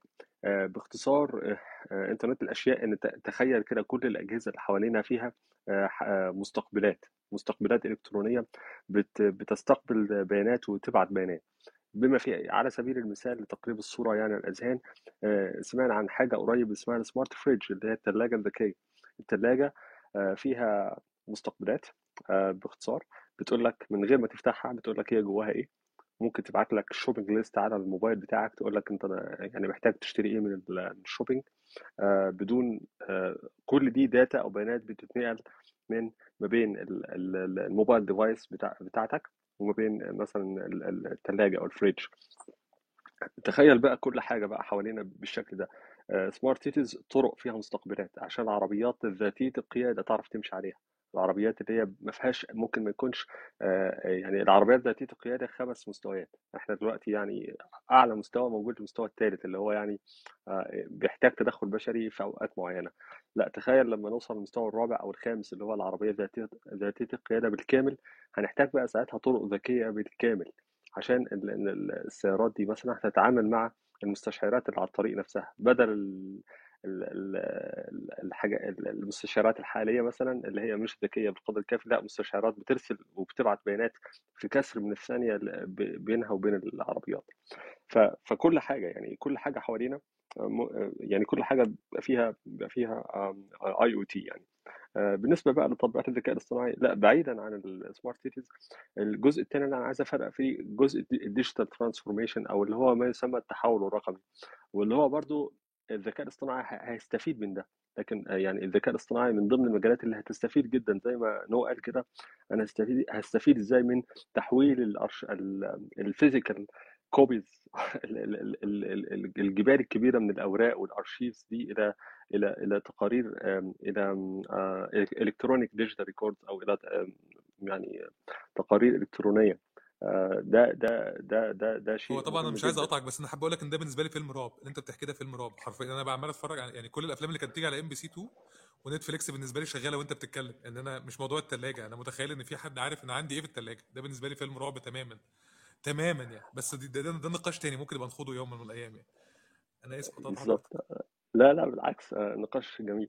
آه، ف ف أنا كنت آه يعني أنا أنا كنت بالظبط أنا كنت بقول يعني آه، هي هي طبعا أرشفت الحاجة إزاي ال privacy الحاجة تتحول تتحول للأرشفة إزاي الأجزاء تتحول من الأرشيف بتاعك اللي هو الورق يتحول لشكل documented يعني موجود على الإنترنت. بالظبط وإحنا آه بالظبط ولو لو تعرف دلوقتي أكيد الناس اللي متابعة أخبار في حاجة اسمها في مصر العاصمة الإدارية الجديدة أو ال new administrative capital وعاملين فيها أكبر data center أو أكبر مركز بيانات على مستوى مصر كلها. آه، أكبر مركز بيانات عاملاه شركة اسمها امازون في مصر. المركز البيانات ده مش الاستثمار ده مش معمول من فراغ. الاستثمار ده فعلا معمول عشان تخزين كل بيانات المواطنين البيانات بقى السجل المدني بيانات ال- ال- ال- الميلاد والوفيات وال آه، كده في في في في في المركز ده. فطبعا ده ال- حاليا ال- ال- التحول الرقمي ده محتاج مش مش مش بس محتاج إرادة سياسية قد ما هو محتاج آه، آه، فلوس كتير يعني استثمار كبير استثمار طويل الأجل ومحتاج infrastructure وده المهم اللي هو بنية تحتية طب قوية. أنا عندي سؤال يا دكتور عندي سؤال هل هل لأن أنا أنا مرة سألت حد في يوم من الأيام آه، صديق كده شغال في مجال ال- الأمن على موضوع الكاميرات المراقبة والكلام ده كله اللي موجود في مصر قال لي ال system ما بيستحملش system بيقع. يعني أنا فاكر الكلمة كويس قوي هو بيتكلم على إن ال system لو أنت عندك حاجة في مصر رابطة كل كاميرات المراقبة اللي موجودة زي دبي أو لندن ال system ما يستحملش. فاللي أنت عمال تتكلم حك... وأنت بتتكلم كده عمال أتخيل لو في data لو في system عليه بيانات المصريين وشهادات ميلادهم اللي هي مثلا تقريبا يعني ده تاريخ لوحده ده ممكن يتعمل له متحف. فهل في system في حاجة كده أصلا؟ في حاجة ممكن تستحمل ده؟ ده مش محتاج محتاج ده فيلم رعب. ما ما هو ده الجزء اللي الطبيعة يعني. لا مؤاخذة قول يا بوب قول قول. لا اتفضل اتفضل يا بوب آه، طب بص جاوب أنت ثانية خليك لا أنا كنت بس هقول هو هو نو حط إيده على ال... مش الجرح يعني حط إيده على ال- مربط الفرس اللي هو الاستثمار في البنية التحتية. فعلا هو هو فعلا إحنا محتاجين يا جماعة بنية تحتية بقى من سيرفرات. وشبكات وألياف ألياف اللي هي ال- الكهروضوئيه اللي هي الألياف الناقلة بقى لل- لل- للبيانات والإنترنت بسرعة بسرعة كبيرة.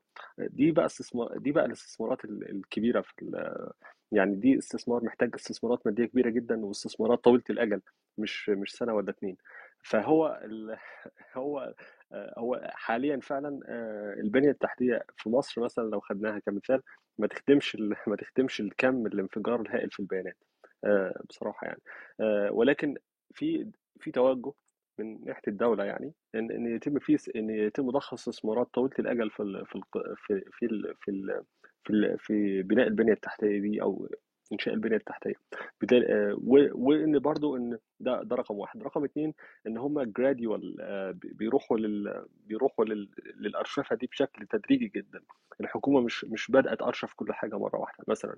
لا ده هو هو بدأ يأرشف الحاجات دلوقتي آه، كل التركيز دلوقتي على القطاع مثلا من القطاع المصرفي أو ال fintech دلوقتي إن أنا هبدأ أخلي التعاملات ال- أخلي التعاملات الالكترونيه في مجال البنوك. بدأنا نشوف دلوقتي إن بعض البنوك المصرية بدأت توفر applications زي اللي بنشوفها في في بنوك بره إن أنت تقدر تطلع على حسابك آه، أونلاين مثلا والكلام ده ما كانش موجود. ما هو كل ده برضه من من من من الثمرات. آه ال system بيقع طبعا عشان حتة ال infrastructure بس أنا قصدي أقول دي دي حاجة هتيجي مع الوقت والاستثمار طويل الأجل. آه، ده رقم واحد. رقم اتنين إن برضو في إدراك للقصة دي. وبالتالي في ال digital transformation اللي بيحصل مش مش مفاجئ قد ما هو gradual على حسب الأولويات اللي بتديها الحكومة يعني.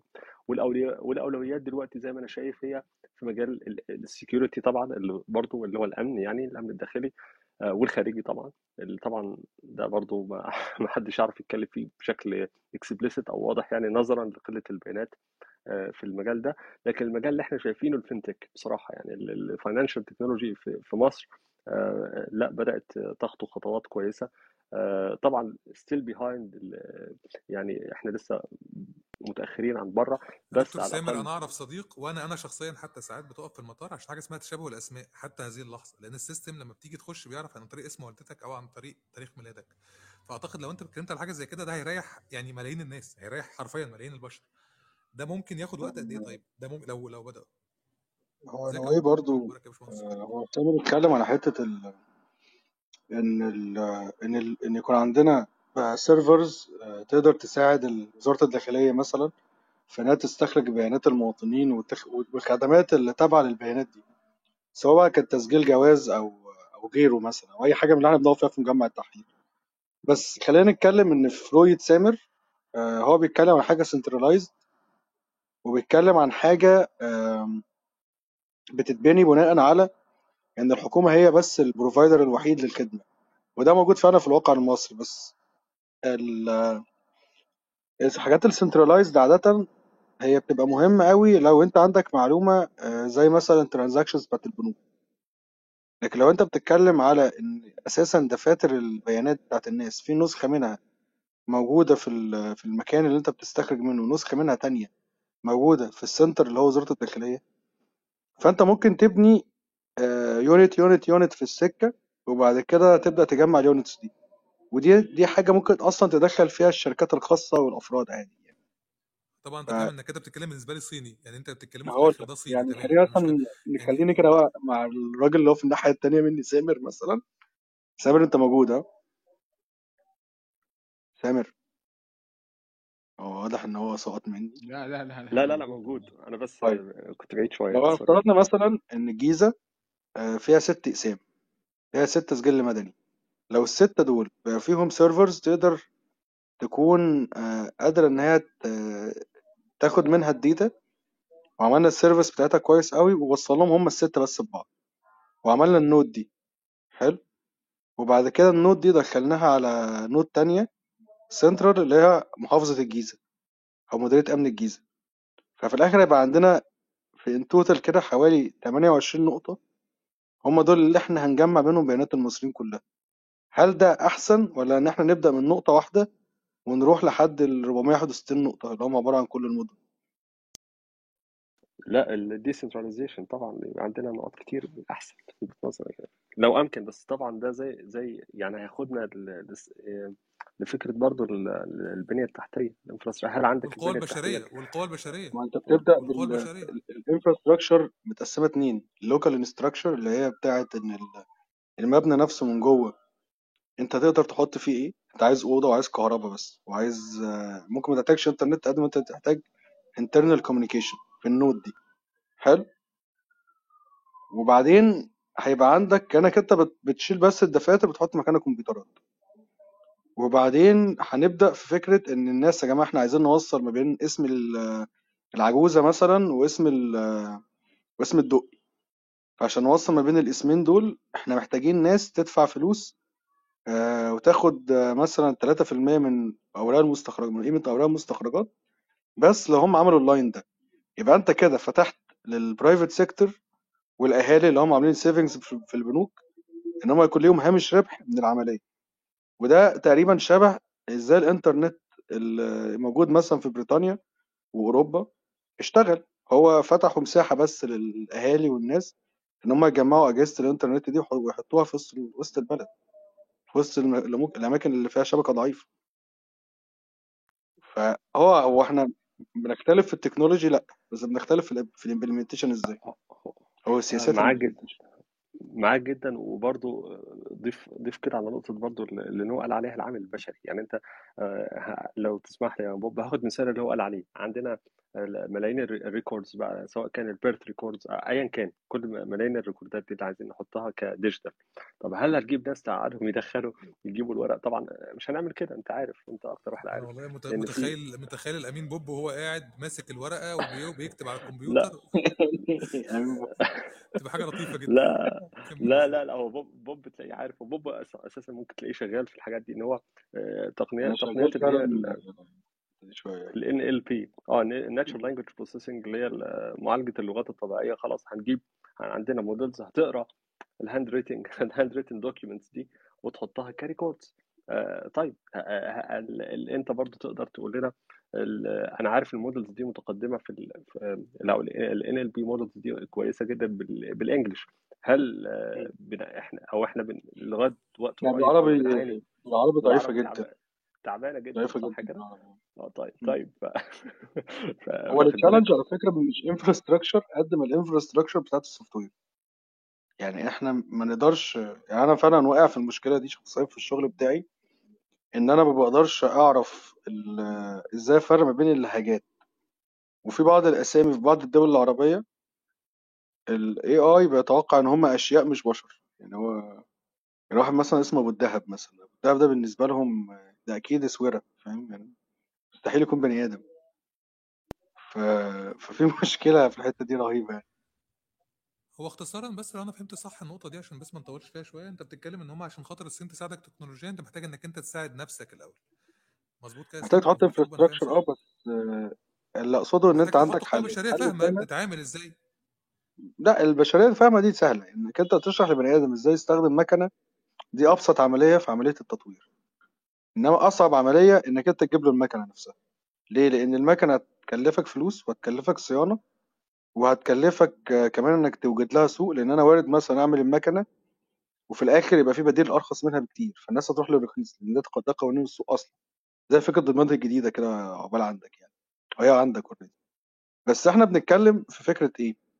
في واحد بيقول إن إحنا نبقى centralized زي أستاذ سامر وده implementation محترم و... وأنا مش بقلل منه هو implementation قوي بس أنا عايز أحط في عقل المستمع بس ال decentralization آه، لا لا أنا مش بقول إن إحنا نبقى centralized هو ألو... ألو... أنا بقول الواقع في مصر آه، أنا آه الواقع مش آه أنا أنا I'm, I'm not recommending يعني أنا مش بنصح بحاجة أنا بس بقول الواقع في مصر انها في في عقل أنا للبلد يعني في centralization مش هو ده يعني بس كم sorry أنا هو الواقع آه فعلا هو الواقع centralized جدا يعني. بس إحنا بنتكلم على إن ال decentralization إيه ميزته؟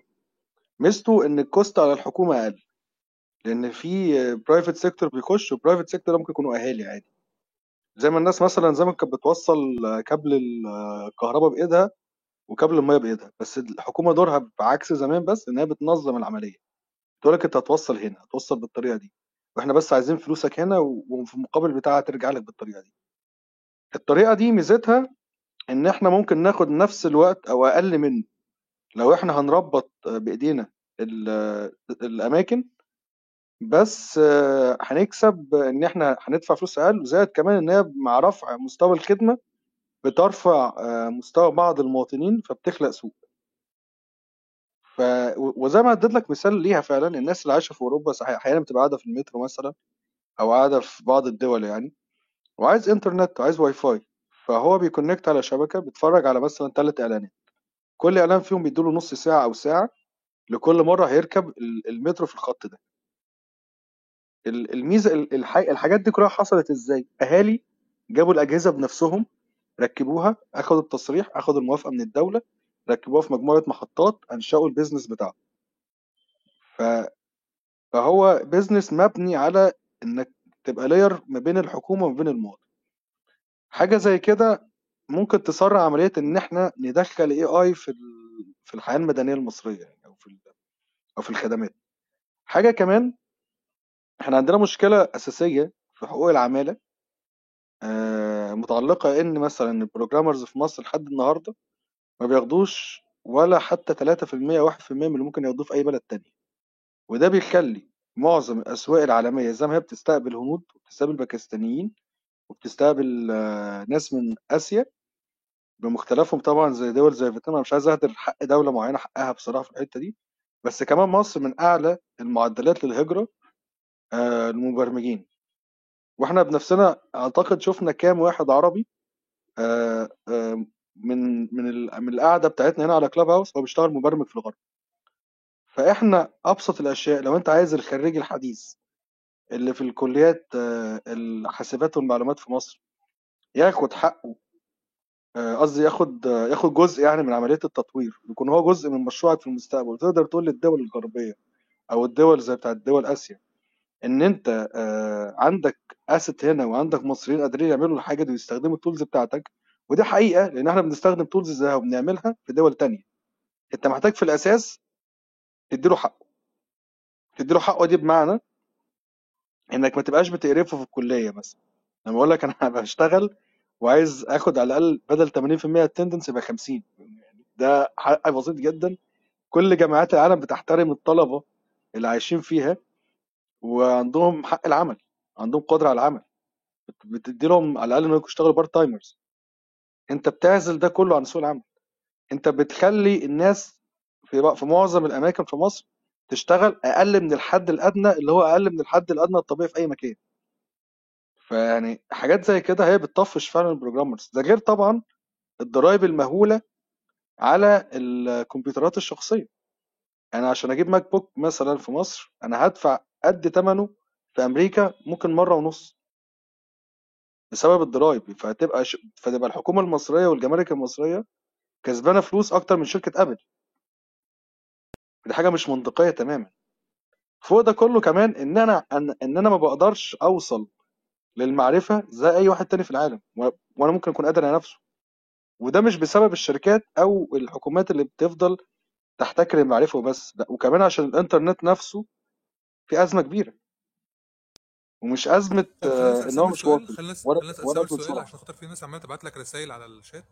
فأنت بص على الرسائل بتاعتك كده عشان خاطر بس أسأل سامر على سؤال كده. اقفل المايك. ابص على رسالة سامر بس أنا اختم آخر حتة عشان سامر برضه ياخد وقته. قول. إن بداية الحل الازمه ديت اولا قوانين تدخل ال private sector داخل ال infrastructure بطريقة منظمة. ثانيا إعطاء آه، حقوق عماليه حقيقية للناس بشكل عام وبالمبرمجين بشكل خاص. عشان تقدر تخش في الثورة الصناعية الرابعة. والشيء الأخير يا أستاذ نوي الاستخدام العادل للإنترنت. السرعة تبقى مظبوطة والكوته تبقى مفتوحة. ده الغرض الأساسي لأن إحنا في زمن ما ينفعش تبيع فيه الإنترنت بالكميات عشان تحقق نهضة مرتبطة بالإنترنت. لأن باختصار أقل file AWS أنا هعمل له run في حياتي هيخلص الكوتا بتاعت ال TE Data خمس مرات. إحنا مش جايين نناقش مشاكل الإنترنت في مصر. هي دي؟ لا لا لا سيب الراجل سيب الراجل سيب الراجل سيب الراجل يقول. الكلام ده حقيقي والله. يعني إزاي أنا هشتغل في AI وأنا لا معايا اللابتوب اللي هشتغل بيه ولا قادر access ال service اللي هشتغل بيها ولا قادر أجمع ال data؟ علشان أنا ما عنديش آه، العالم؟ إنترنت زي ما المغرب دخلت كأس العالم بالمثابرة؟ ما هو حتى أنا ما أقدرش ادخل مصر كأس العالم عشان مش عارف أشتغل طيب. طيب خلينا نرجع للموضوع نفسه بقى. دكتور سامر بس عندي سؤال. هو كمان اللي أنا فاهمه إن أغلب الشركات الكبيرة الخاصة بال في مجال التكنولوجيا وكده عندها استثمارات في مصر أساسا. فالقمة الأخيرة دي كانت ليها أول قمة عربية ما أعرفش حضرتك اطلعت عليها ولا لأ؟ كان فيها كلام كتير جدا على ال... هم يزودوا التعاون بشكل أكبر. إيه المجالات التانية؟ يعني مثلا أنا ما سمعتش أي حاجة لها علاقة بال- بالفضاء. أنا أول مرة أسمع إن الصين بتساعد هتساعد الدول العربية في الفضاء. ناهيك إن أنا أصلا ما أعرفش إيه اهتمام الدول العربية في الفضاء. هل الذكاء الصناعي مهم برضه في حاجة زي كده؟ هل حضرتك سمعت عن دراسات ليها علاقة بحاجة زي كده؟ أنا عارف إن في تكنولوجيات معينة حكر على دول معينة إن في تكنولوجيا كذا تكنولوجيا هي حكر على دول بعينها. فهم ممكن يساعدونا أكتر في ده؟ هل إحنا ممكن نستفيد منه أكتر في ده؟ لو إحنا مؤهلين. طيب. هو في كذا شق للسؤال. هو الشق الأولاني أنا مش هقدر أجاوب عليه لأن أنا ما اطلعتش على القمة يعني و- وأجرى فيها. أقول لك أنا أقول لك الجزء اللي أقدر أ- أقول لك أنا على طول. بص في فوق قناة اسمها ماذا يحدث لو اشتركت فيها؟ بص شايف القناة اللي فوق دي. أنت لو متابع عندنا البتاع متابع أخوك احمد لبيدي ده ساحلني والله الصين وأوكرانيا ومتبهدلين سايبين الكلاب هاوس وخناقته هم قالوا إن هم هيفتحوا التعاون بشكل أكبر آه وهيبقى في آه هم هم شايفين التعاون موجود. طبعا سيبك من الحاجات السياسيه مش هكلمك عليها خالص لكن هم قالوا إن هم هيساعدوا الدول العربية في في التطور في في النقلة الفضائية يعني. ما أعرفش إيه النقلة الفضائية دي أنا مش فاهمها حتى هذه اللحظة. وإن الفترة اللي جاية دي هتشهد ازدهار أكبر في التقدم التكنولوجي لأن هم هيساعدوها هيساعدونا في في التعاون والتنسيق وأشياء مختلفة. أنا ما أنا ما عنديش أي حاجة غير كده. هو طبعا كل الكلام بيبقى مبهم يعني. وإن وإن هو هيبقى فيه مساعدات خاصة بالبرامج الدفاعية وال- والحاجات دي على مستويات أعلى من المستويات الموجودة. هو ده البيان هو الكلام كله بيكون مقتضب كده. بخلاف ده مفيش حاجة. أنا ما أعرفش الصين عندها تكنولوجيا لها علاقة بالفضاء ولا لأ ولا هي ممكن تساعد الدول العربيه أصلا ولا لأ وإيه إيه إيه علاقة الذكاء الصناعي بالموضوع؟ يعني أنا آسف اعذر جهلي يا أخوك. يعني ما لا لا لا ما هو لا فيش جهل ولا حاجة بالعكس. آه، هو الجزء الثاني اللي هو إيه علاقة الذكاء الصناعي؟ آه، الذكاء الصناعي ببساطة داخل في كل حاجة. آه، يعني ب- ببساطة آه، الذكاء الاصطناعي دلوقتي آه، قدر يخل- يخلينا إن إحنا نطور آه، نطور آه، أمصار للكوفيد آه، هتقول مثلا إيه علاقة الذكاء الاصطناعي بتطوير أمصار للكوفيد العلماء ال ال ال ال ال الأمصار وكده قدروا بالتعاون مع علماء البيانات وعلماء الذكاء الاصطناعي إن هم يطوروا models ال models دي ال- هي هو قوة الذكاء الاصطناعي في مش في البيانات اللي بتخدم ال- ال- ال- ال models بتاعت الذكاء الاصطناعي. وبالإضافة إلى إن دلوقتي الثورة القوية أو ال- السمر أو إحنا في صيف من من من ضمن صيف الذكاء الاصطناعي اللي هو ثورة ال deep learning أو التعلم العميق. إحنا دلوقتي قدرنا آه، نخلي الكمبيوتر يشوف ونخلي الكمبيوتر يسمع. الكلام ده ما كانش موجود من كام سنة من 15 سنين بالظبط. آه، فدلوقتي آه، إن ال- ال- الثورة بالذات في حتة الكمبيوتر فيجن أو اللي هو الرؤية الرؤية الحاسوبية آه، في في حاجة زي اسمها ال NLP آه، اللي هو Natural Language Processing أو معالجة اللغات الطبيعية آه، إن الكمبيوتر يقدر يفهم اللغة الدارجة بتاعتنا مش اللغة ال- ال- الإنجليزية اللغة العربية الفصحى مثلا لا اللغة العامية المصرية مثلا أو اللغة العامية الخليجيه دي دي أدت إلى ثورات إلى إن الذكاء الاصطناعي فعلا حرفيا دخل في كل حاجة في حياتنا بما فيها بقى الفضاء بما فيها ال- ال- ال cyber ال fraud detection أو كشف التزوير أو منع الهجمات السيبرانية. أنا بقدر أدرب models على الهجمات اللي بتحصل فبالتالي بعمل ال models دي بتعمل احتمال مليارات الاحتمالات في كسر من الثانية فبتقدر تعمل protection عالي جدا. فاللي أنا عايز أقوله في القصة دي عشان أختم الثورة الثورة اللي قدر يوفرها الذكاء الصناعي ان إحنا الذكاء الصناعي يقدر يشوف ويسمع ويتكلم آه، ومش بس إحنا بنتكلم عن الحاجات اللي إحنا لامسينها عشان نقرب للناس الأذهان اللي هو Alexa و Google Assistant والحاجات دي كلها. لأ ده Netflix recommendation هو بيقول لك اتفرجت على فيلم أنت اتفرج على ده كمان ده recommendation engine ورا الذكاء الصناعي واخد بالك؟ أنت بتتكلم آه، يعني أنا قصدي أقول مفيش حاجة تقدر تتخيلها في حياتك آه، الفيسبوك بتاع تويتر الالجوريثمات بتاع الفيسبوك أنا ما بك... know أنا آه، بتكلم بتكلم بتكلم على على على نوع على نوع أكل معين بيطلع لي المطعم أنا فاكر دي على طول واستخدمتها مرة أو اتنين وكنت خايف جدا ما كنت سعيد خالص إن أنا بتكلم على حاجة معينة فراحت طالعة لي على طول اللي هو أهو ده المكان اللي بتدور عليه إعلان وده شيء لطيف بس مرعب شوية. بالظبط آه، آه، يعني بالظبط ده من ضمن آه، دي ال algorithm بتاع الذكاء الاصطناعي. في حاجة اسمها ال market ال Apriori algorithm مثلا ده في ال market basket analysis انت لما بتروح تشتري آه، رصة رصة ال products على ال shelf في السوبر ماركت دي لا دي ذكاء صناعي باختصار يعني الشاي جنب السكر most likely اللي هيشتري شاي هيشتري سكر لا مؤاخذة اللي هيشتري بامبرز أو كده هيشتري مثلا wipes يعني أنا قصدي أقول إن الذكاء الاصطناعي له تطبيقات داخلة في كل مناحي الحياة في ال marketing وفي ال medical field وفي ال- ال- ال- الفضاء طبعا وفي آه، وفي كل حاجة يعني باختصار يعني. آه، آه، وده يع- يعزى السبب إلى التطورات الكبيرة اللي حصلت في مجال التعلم العميق بالتحديد اللي هو ال deep learning ومشتقاته بقى اللي هو الرؤية الحاسوبية بالذات اللي هو ال computer vision. الكمبيوتر دلوقتي بيشوف فعلا أنت بت... عربيات ذاتيه القيادة بتشوف الطريق تمام؟ بتشوف لو حد معدي آه، أو لو كده بتاخد قرارات في كسر من الثانية زيها زي البشر آه، والكمبيوتر بيقدر يسمع وبيتكلم. دلوقتي لو إحنا العالم كله بيتكلم عن حاجة اسمها تشات جي بي تي تشات جي بي تي أنت بتقول له باختصار بتتكلم مع واحد صاحبك هو بيرد عليك وب- وبيفهم. آه، في طبعا عدم دقة وفي بي- بيدي معلومات غلط أحيانا. بس إن إحنا وصلنا لمستوى غير مسبوق إن أنت بتحس إن أنت ما بتتكلمش مش بتتكلم مع chatbot بس إن هو مش فاهم حاجة لأ بتتكلم مع بشر. ممكن يعدي زي ما قلنا Turing test اللي هو أنت باختصار لو في أوضة ومش شايف اللي قصادك ممكن تتخدع ان اللي بيكلمك ده مش كمبيوتر لأ ده ممكن يكون شخص هيومن يعني. فبس يعني فهو عشان طولت لا الذكاء الاصطناعي داخل في كل حاجة من الإبرة للصاروخ يعني آه، ومش بس مقصور على مجالات أنا حابب أتكلم معاك مرة في مرة لو أنت عندك وقت. أنا أنا شخص عندي تخوفات عميقة جدا زي ما أنت يعني زي واضح إن أنا حاطط زي ما أنت شايف أنا حاطط صورة فيك واسم مش حقيقي برضه. آه، فعندي مشكلة دايما مع موضوع الخصوصية. أنا حاسس إن أنا الكمبيوتر داخل عندي في ال... يعني عارفني أكتر من عيالي. يعني فاهم؟ وده شيء بالنسبة لي مرعب ده شيء مش مش مش آمن خالص. أنا فاهم إن هو ليه ليه حاجات كويسة ومثلا منظم ضربات القلب مرضى السكر الأمراض المبكرة كل ده. بس أنا طول الوقت بخاف من إن أنا أكون بتبرمج وأنا مش واخد بالي. يعني أنا شخصيا هو اللي أنت بتقوله ده لو تم استخدامه بشكل سيء بس ده نقاش آخر ممكن أنا أنا أنا وحضرتك آه، نتكلم فيه لو أنت فاضي ممكن نناقش نناقش في غرفة إن أنا أنا مرة اتكلمت مع باشمهندس عمر بسيسو حتى وكان أحمد ما أعرفش إذا كان حاضر النقاش ولا لأ. وقال إن في حاجة أخلاقية وإن دي معضلة أخلاقية لحد دلوقتي الناس داخلة فيها. اللي أنت بتتكلم فيه ده بالنسبة لي أنا فيلم رعب. أنا فاهم إن هو حاجة كويسة جدا وحاجة عظيمة بس هو فيلم رعب تماما. لأن أنت بتتكلم على حد عارف أنت عايز إيه أكتر ما أنت شخصيا أنت عايز إيه. بالظبط. هو فيلم هو آه، فيلم رعب. آه، هو فيلم رعب. في معضله أخلاقية كبيرة حوالينها. لا سيبك من موضوع الأخلاق دي عايز ضروره واحدة بس أنا هقول لك بس فعلا إن فعلا إن وده اللي وأنت أدركت فعلا النقطة إن إحنا دلوقتي آه، بننتقل من حاجة اسمها predictive analytics لل prescriptive analytics ال predictive analytics كان زمان كان زمان كمان مش بتكلم دلوقتي زمان. كل التركيز إن أنا عايز أتوقع سلوكك. أتوقع أتوقع سامر ده هيشتري ال product ده ولا لأ؟ هي- هيصاحب هيصاحب الشخص ده دلوقتي بخلي سامر يشتري أنا بخلي سامر يشتري. أيوه بالظبط أنا دلوقتي بعمل حاجة اسمها prescriptive analytics. أنا برسم صورة لعالم بشكل آخر و... وأنا ب... ب... بقولب البشر إن هم يفت- fit في الصورة اللي أنا رسمتها دي.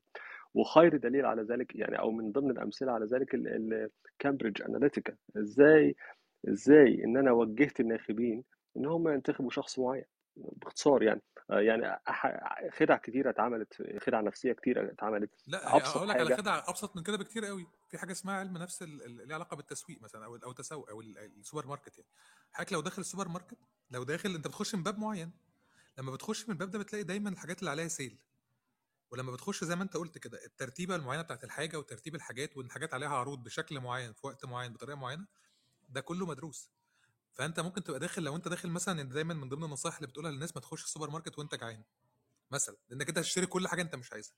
دلوقتي حتى لو أنت داخل عشان تجيب علبة لبن بس يعني داخل تشتري علبة لبن بس مش أكتر. فأنت بتخرج معاك كمية حاجات كتيرة أنت مش عايزها أصلا. أنت مش عايز أي حاجة من الحاجات أو مش عايز منها 50% فده على مجال الفرد الصغير. فانت بتتكلم فيه المجال الأكبر ده بالنسبة لي أكثر رعبا. المجال اللي بعده مش إن أنا أتأثر في ده أنا ممكن اثر في قرارات دول.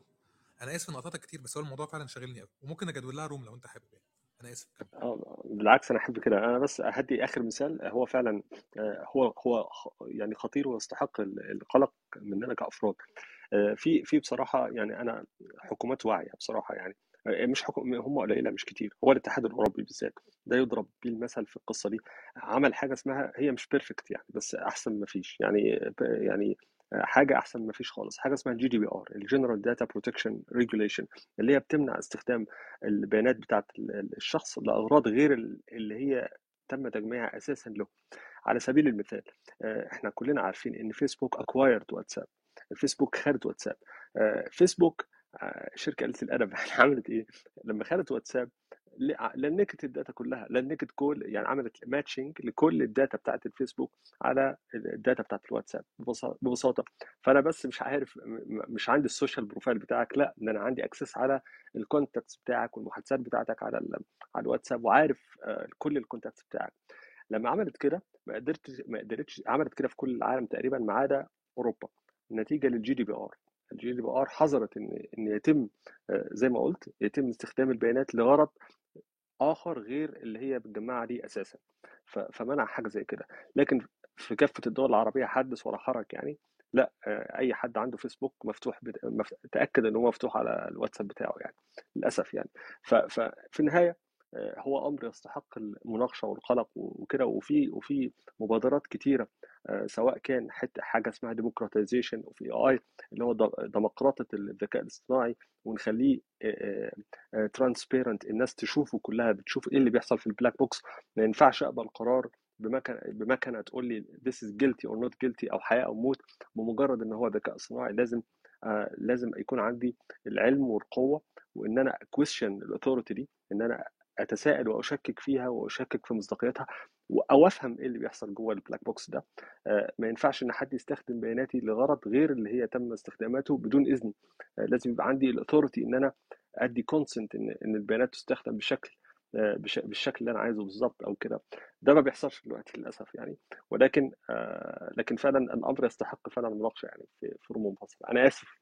طولت كده الموضوع بس الواحد لما لا لا بالعكس بالعكس الموضوع بالعكس الموضوع مثير جدا وممكن نبقى نتكلم فيه حتى لو حضرتك فاضي. شفنا جدول معانا بعض أنا آسف والله الناس اللي رفعت إيديها إحنا غالبا بنقفل. أحمد عندك حاجة أخيرة ولا كده؟ خلاص. لا لا أنا عايز سامر لا سامر يعني يدي الخلاصة كيف يستطيع العرب أو كيف يمكن للعرب الاستفادة من التجربة الصينية في المجال الذكاء الاصطناعي والتكنولوجيا. في كبسولة سامر عشان عارف الوقت عندك متأخر بزيادة. آه وبص آه سامر من غير ما هم يتعلموا. يعني يعني عارف اللي هو مستوى الطالب الفاشل. لأن أنت هتبدأ في الأول إن هم يتعلموا فهم مش هيتعلموا. فسيبك من دي لو ما اتعلموش. هو على هو طبعا على سبيل يعني على على كذا مستوى. العرب كأفراد إحنا ممكن نستفيد من الصين من الصين في الذكاء الاصطناعي إن إحنا يعني اللي يقدر يتعلم معلش أنا آسف اللي يقدر يتعلم اللغة الصينية يكون آه، يعني ده شيء يكون هايل جدا آه، لأن عشان يعني زي ما نعرف اللي هو تقاوم آمن مكروه حاجة زي كده إن هو أنت لازم عشان تفهم كل الأبحاث لا الصين لغاية دلوقتي بتنشر نسبة كبيرة من أبحاثها في الذكاء الاصطناعي بالصيني ومحدش بيترجمها ولو بتترجم بتبقى الترجمة بالإنجليزي والترجمة بتبقى مخلة في كثير من الأحيان. فبالتالي يعني اللي عايز فعلا يعني يفهم الوضع هناك لا تعلم اللغة الصينية يعني ده ده ده is a must يعني دي حاجة. الحاجة الثانية على اللي هو بيحصل دلوقتي إن هو هو win-win نفكر إن هي win-win situation وإن هو طول يعني هو هو الصين كبلد بتفوز وإنت ك كحكومات إنت بتفوز برضو إن إنت بتبقى عندك ما لا تعيد اختراع العجلة. إحنا بناخد العجلة جاهزه هو هو ده صح وغلط يعني في نفس الوقت. بس في الوقت اللي إحنا آه، في العصر الحالي في العصر التقني الرهيب التكنولوجيا آه، العلم بيتقدم بشكل رهيب بالذات في الذكاء الاصطناعي ما عندناش رفاهية إن إحنا إن أنت تبدأ تخترع العجلة أو تفهم العجلة دي بتشتغل إزاي. لأ ما عندناش رفاهية الوقت دي بصراحة للأسف. فبالتالي إن الواحد آه، مش عيب إن أنا أستعين بالصين في بالشركات الصينية مثلا في إنها تعمل لي شبكة 5G آه، مش عيب إن أنا أستعين بشركات الحوسبة السحابية سواء الصينية أو الأمريكية أو غيره يعني. ال ال يعني ال الحكمة ضالة المؤمن أنى وجدها فهو يعني يعني مش مشكلة ال product قد ما هو ال technology يعني. آه، بس آه، بس هي الفكرة كلها الوعي بفكرة البيانات والخصوصية لأن مهم جدا انت أنت المسؤول الأول عن حماية بياناتك. ما فيش حد تاني هيحمي بياناتك لأن أي حاجة free فأنت السلعة أكيد يعني. يعني أي أي application أنت بتستخدمه free أنت سواء أنت بتعمل صورة أو افاتار أو سواء إن أنت بتعمل account على ال social media فأنت أكيد السلعه أنت أكيد ايميلك والبيانات اللي بتدخلها سواء كان اسم أو تاريخ ميلاد أو إلى آخره فأنت ده ده دي ده اللي بيتباع يعني. مش يعني أنت بتتباع بشكل بشكل في شكل بيانات يعني. ف ف بس كده أنا ما عنديش حاجة تانية أقدر طيب عايز أقول لك سؤال أخير حاجة بس. لحاجه يا بس النقطة اللي هو كان بيقولها بس لا أنا هقول لحضرتك الحاجة أنا أنا يعني كان في شوية تجارب كده ليها علاقة حتى بناس من من ال dark web وكده كانوا بيمسحوا بيانات شخص يعني. فحاجة مهمة يعني أنت عارف أنا راجل بشتغل بياع مراكب فساعات المراكب بتفاجئ إنك أنت تبيع التاريخ بتاع الشخص. فهم عمل حسبوا أشياء وعملوا fake لاشياء فبقول الراجل ما. طب ليه ما تمسحش كل ال data؟ قال لي ما فيش مستحيل تمسح أي حاجة اتكتبت على الإنترنت. أنا قعدت شوية وقت اللي هو يعني إيه قال يعني ما فيش حاجة بتتمسح طالما أنت دخلت أي data من أي نوع. الكلام ده بالنسبة لي كان مرعب في الأول وبعدين اكتشفت إن هو حقيقي جدا. لو أنت دخلت أي data دخلت اونلاين ما بتتمسحش.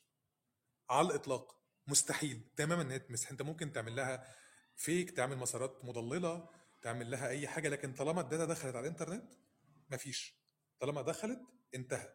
أي search أنت عملته أي log أنت عملته أي حاجة حصلت دي متسجلة. record يعني في مكان ما. وأنا مش عارف إيه نوعية ال data اللي من النوع ده. أنا كنت فاكر إن هي بيحصل لها تفريغ كل فترة أو بيحصل لها حاجة. بقول لك زي ما قلت لك اعذر جهلي أنا في الحاجات التكنولوجية مش أشطر حاجة رغم الدورات اللي الواحد بياخدها. لكن في النهاية اللي فهمته إن أنت كل شيء ما مسجل بشكل أو بآخر وإن أنت السلعه تاني حاجة اللي أنا فاهمه ويمكن الدول العربية ما خدتش بالها منه إن الموضوع ده بيجيب فلوس. يعني الاستثمار في مجال التكنولوجي بيجيب فلوس. بيجيب فلوس كتيرة جدا. يعني لو أنت استثمرت في إن الشباب يشتغلوا على التكنولوجيا فممكن يطلع لك شركات كتيرة في مصر مثلا. الشركات دي تتباع بعد كده بمليارات. وهو ده الاستثمار الوحيد اللي يمكن يكون فاضل.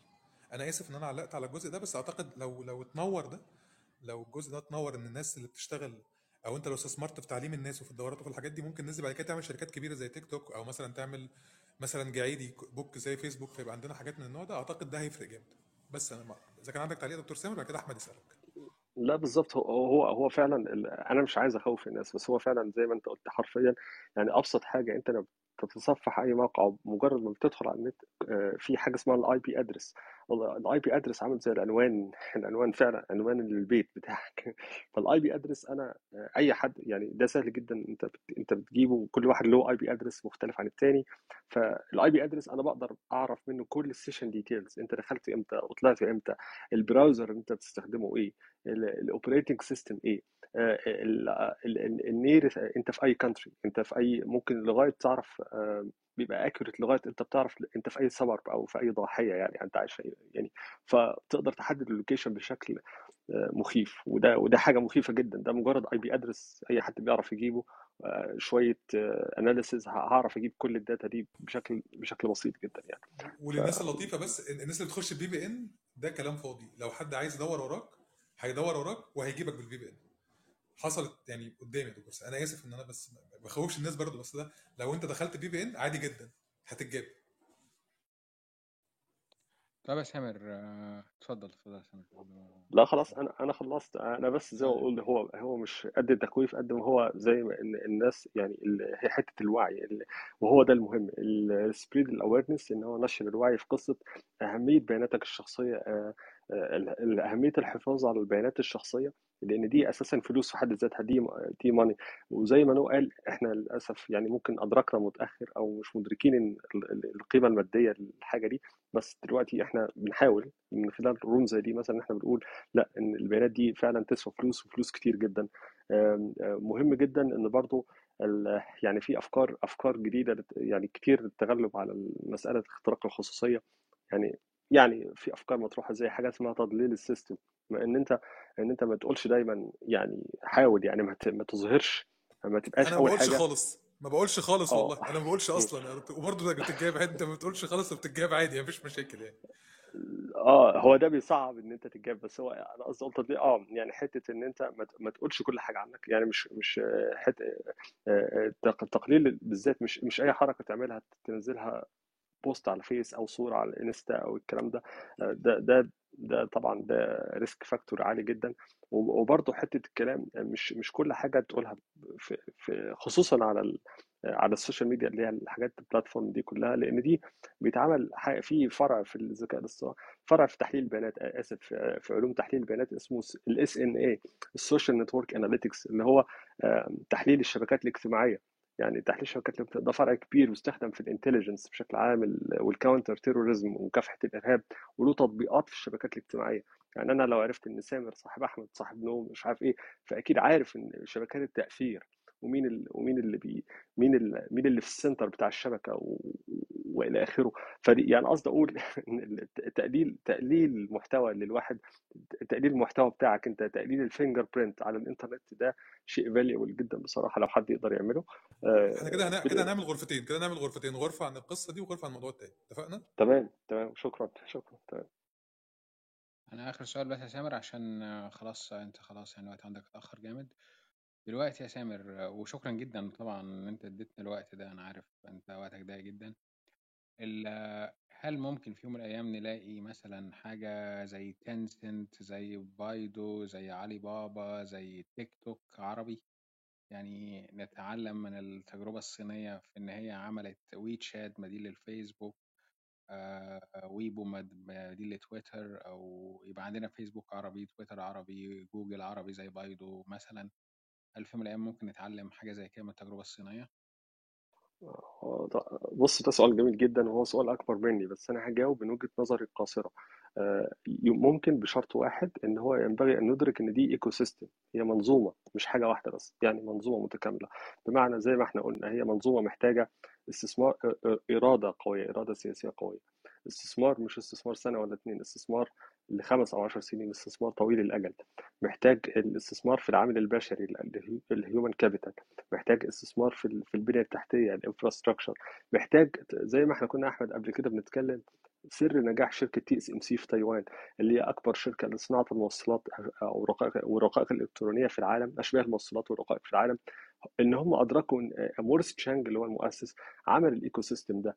ريح جاب درب مهندسين على أعلى مستوى. طب قال لك لا ده المهندسين دول بيحتاجوا يسافروا مسافة طويلة بالباص عشان يوصلوا للمصانع والأماكن عملهم. لا ده أنا هجيب لهم هبني لهم سكن فاخر جنب بتاع وأجيب لهم عائلاتهم أقعدهم جنبهم. عشان يرتاحوا نفسيا وإلى آخره. طب دي حاجة. لا ده المهندسين دول بياخدوا ربع الراتب اللي بياخدوه المهندسين نظرائهم المهندسين في أمريكا. لا ده أنا لازم أبدأ أعلي الرواتب شوية وأحط لهم حوافز مادية وغير مادية عشان يحبوا يشتغلوا في المكان. فهي فاهم أنت منظومه ال ecosystem منظومه كاملة مش حاجة واحدة بس. أنا أنا مش مش مش إن أنا عندي مصنع و technical know-how وهبني بس. لا أنا محتاج محتاج بيئة عمل مناسبة محتاج أجور مناسبة محتاج يعني انفراستراكشر قوية محتاج مواصلات سهلة. يعني الحاجات دي كلها يعني مش شرط إن كلها تتعمل يعني أو كده لكن لكن إن يبقى في على الأقل إرادة أو إن يبقى في رؤية إن الحاجات دي بتتعمل والناس بتشوف في الآخر لأن كل واحد يعني أي واحد فينا يعني عنده استعداد إن هو يضحي يعني ياما سمعنا إن في مهندسين كتيرة من من من سنغافورة وفي الصين وفي راحوا اتعلموا في أمريكا وفي ارقى الجامعات وقدروا يضحوا إن هو يضحي أكيد بجزء من من الراتب اللي كان بياخده أكيد مش هياخد زيه في أمريكا أو في الصين أو في مش هياخد زيه في تايوان وفي أمريكا أو في سنغافورة. وقدر يضحي بالحياة بتاعته عشان هو okay إن هو شايف إن في vision أو في رؤية وهو مآمن بيها. وده اللي حصل يعني فعلا مع مورس تشانج اللي هو في, TSMC ال ecosystem مهم جدا هي مش حاجة واحدة. عايز جامعات قوية عايز تعاون بين المراكز البحثية والقطاع والجامعات والقطاع الحكومي والقطاع الخاص تعاون كبير جدا. عايز عايز استثمار في العامل البشري وتوفير بيئة جاذبة مش طارده ليهم. بس يعني مش أكتر شكرا جدا يا سامر. شكرا جدا. ونتفق معاك على الغرفه تانية. شكرا جدا على وقتك بصراحة. كتر خيرك بجد شكرا جدا يا دكتور سامر. شكرا يا سامر. ما أعرفش أنت دكتور ولا لأ بس أنا أنا حاسس إنك دكتور. بتقول كلام مهم. شكلك دكتور. لا لا. شكرا ليك وأنا أشكرك أنا واشكرك لا لا لا لا خلاص. لا لا. حبيبي شكرا وشكرا يا أحمد وشاكر أنا آسف إن أنا dictated ال conversation أنا ما بحبش أعمل كده بس هو يعني جدا جدا بالعكس جدا جدا وكلامك محترم ولطيف. أنا أنا كنت مهتم أكتر بالجملة الأخيرة إن إحنا محتاجين الناس تتطور نفسها. يعني أنت محتاج إنك تستثمر في البشر مبدئيا عشان خاطر تعرف حتى لو في حد عايز يساعدك يساعدك. يعني كلام حضرتك أغلبه ملخصه كده يعني إن إحنا محتاجين الناس تتطور أصلا مبدئيا عشان خاطر لو في مساعدة جاية من بره يعني لو لو ال system نفسه لو جه ال system حتى تم تم شراؤه فأنت محتاج حد يدخل يعني العنصر البشري هيفضل مهم في المرحلة دي على الأقل. شكرا يا دكتور سامر جدا لحضرتك وشكرا لوقتك. وإحنا إن شاء الله ننظم حاجة عن الأمان الرقمي وأنا الموضوع المهم بالنسبة لي جدا محتاج أتكلم معاك فيه في أخلاقية ان ان إن يكون في أي شيء في العالم يقدر يتحكم في البشر. لأن أنا اللي شايفه أنا المستقبل شايفه ريبوت كبير بيتحكم في الناس عن طريق شخص وراه يعني. وبعدين في الآخر زي كل الأفلام الروبوت يأكل بني آدم وحاجات كده. ماشي شكرا دكتور سامر. شكرا ليك وشكرا بقى يا أحمد أنا وشكرا لاستضافتي شكرا جزيلا. أشكرك. شكرا شكرا نشوفك على خير إن شاء الله.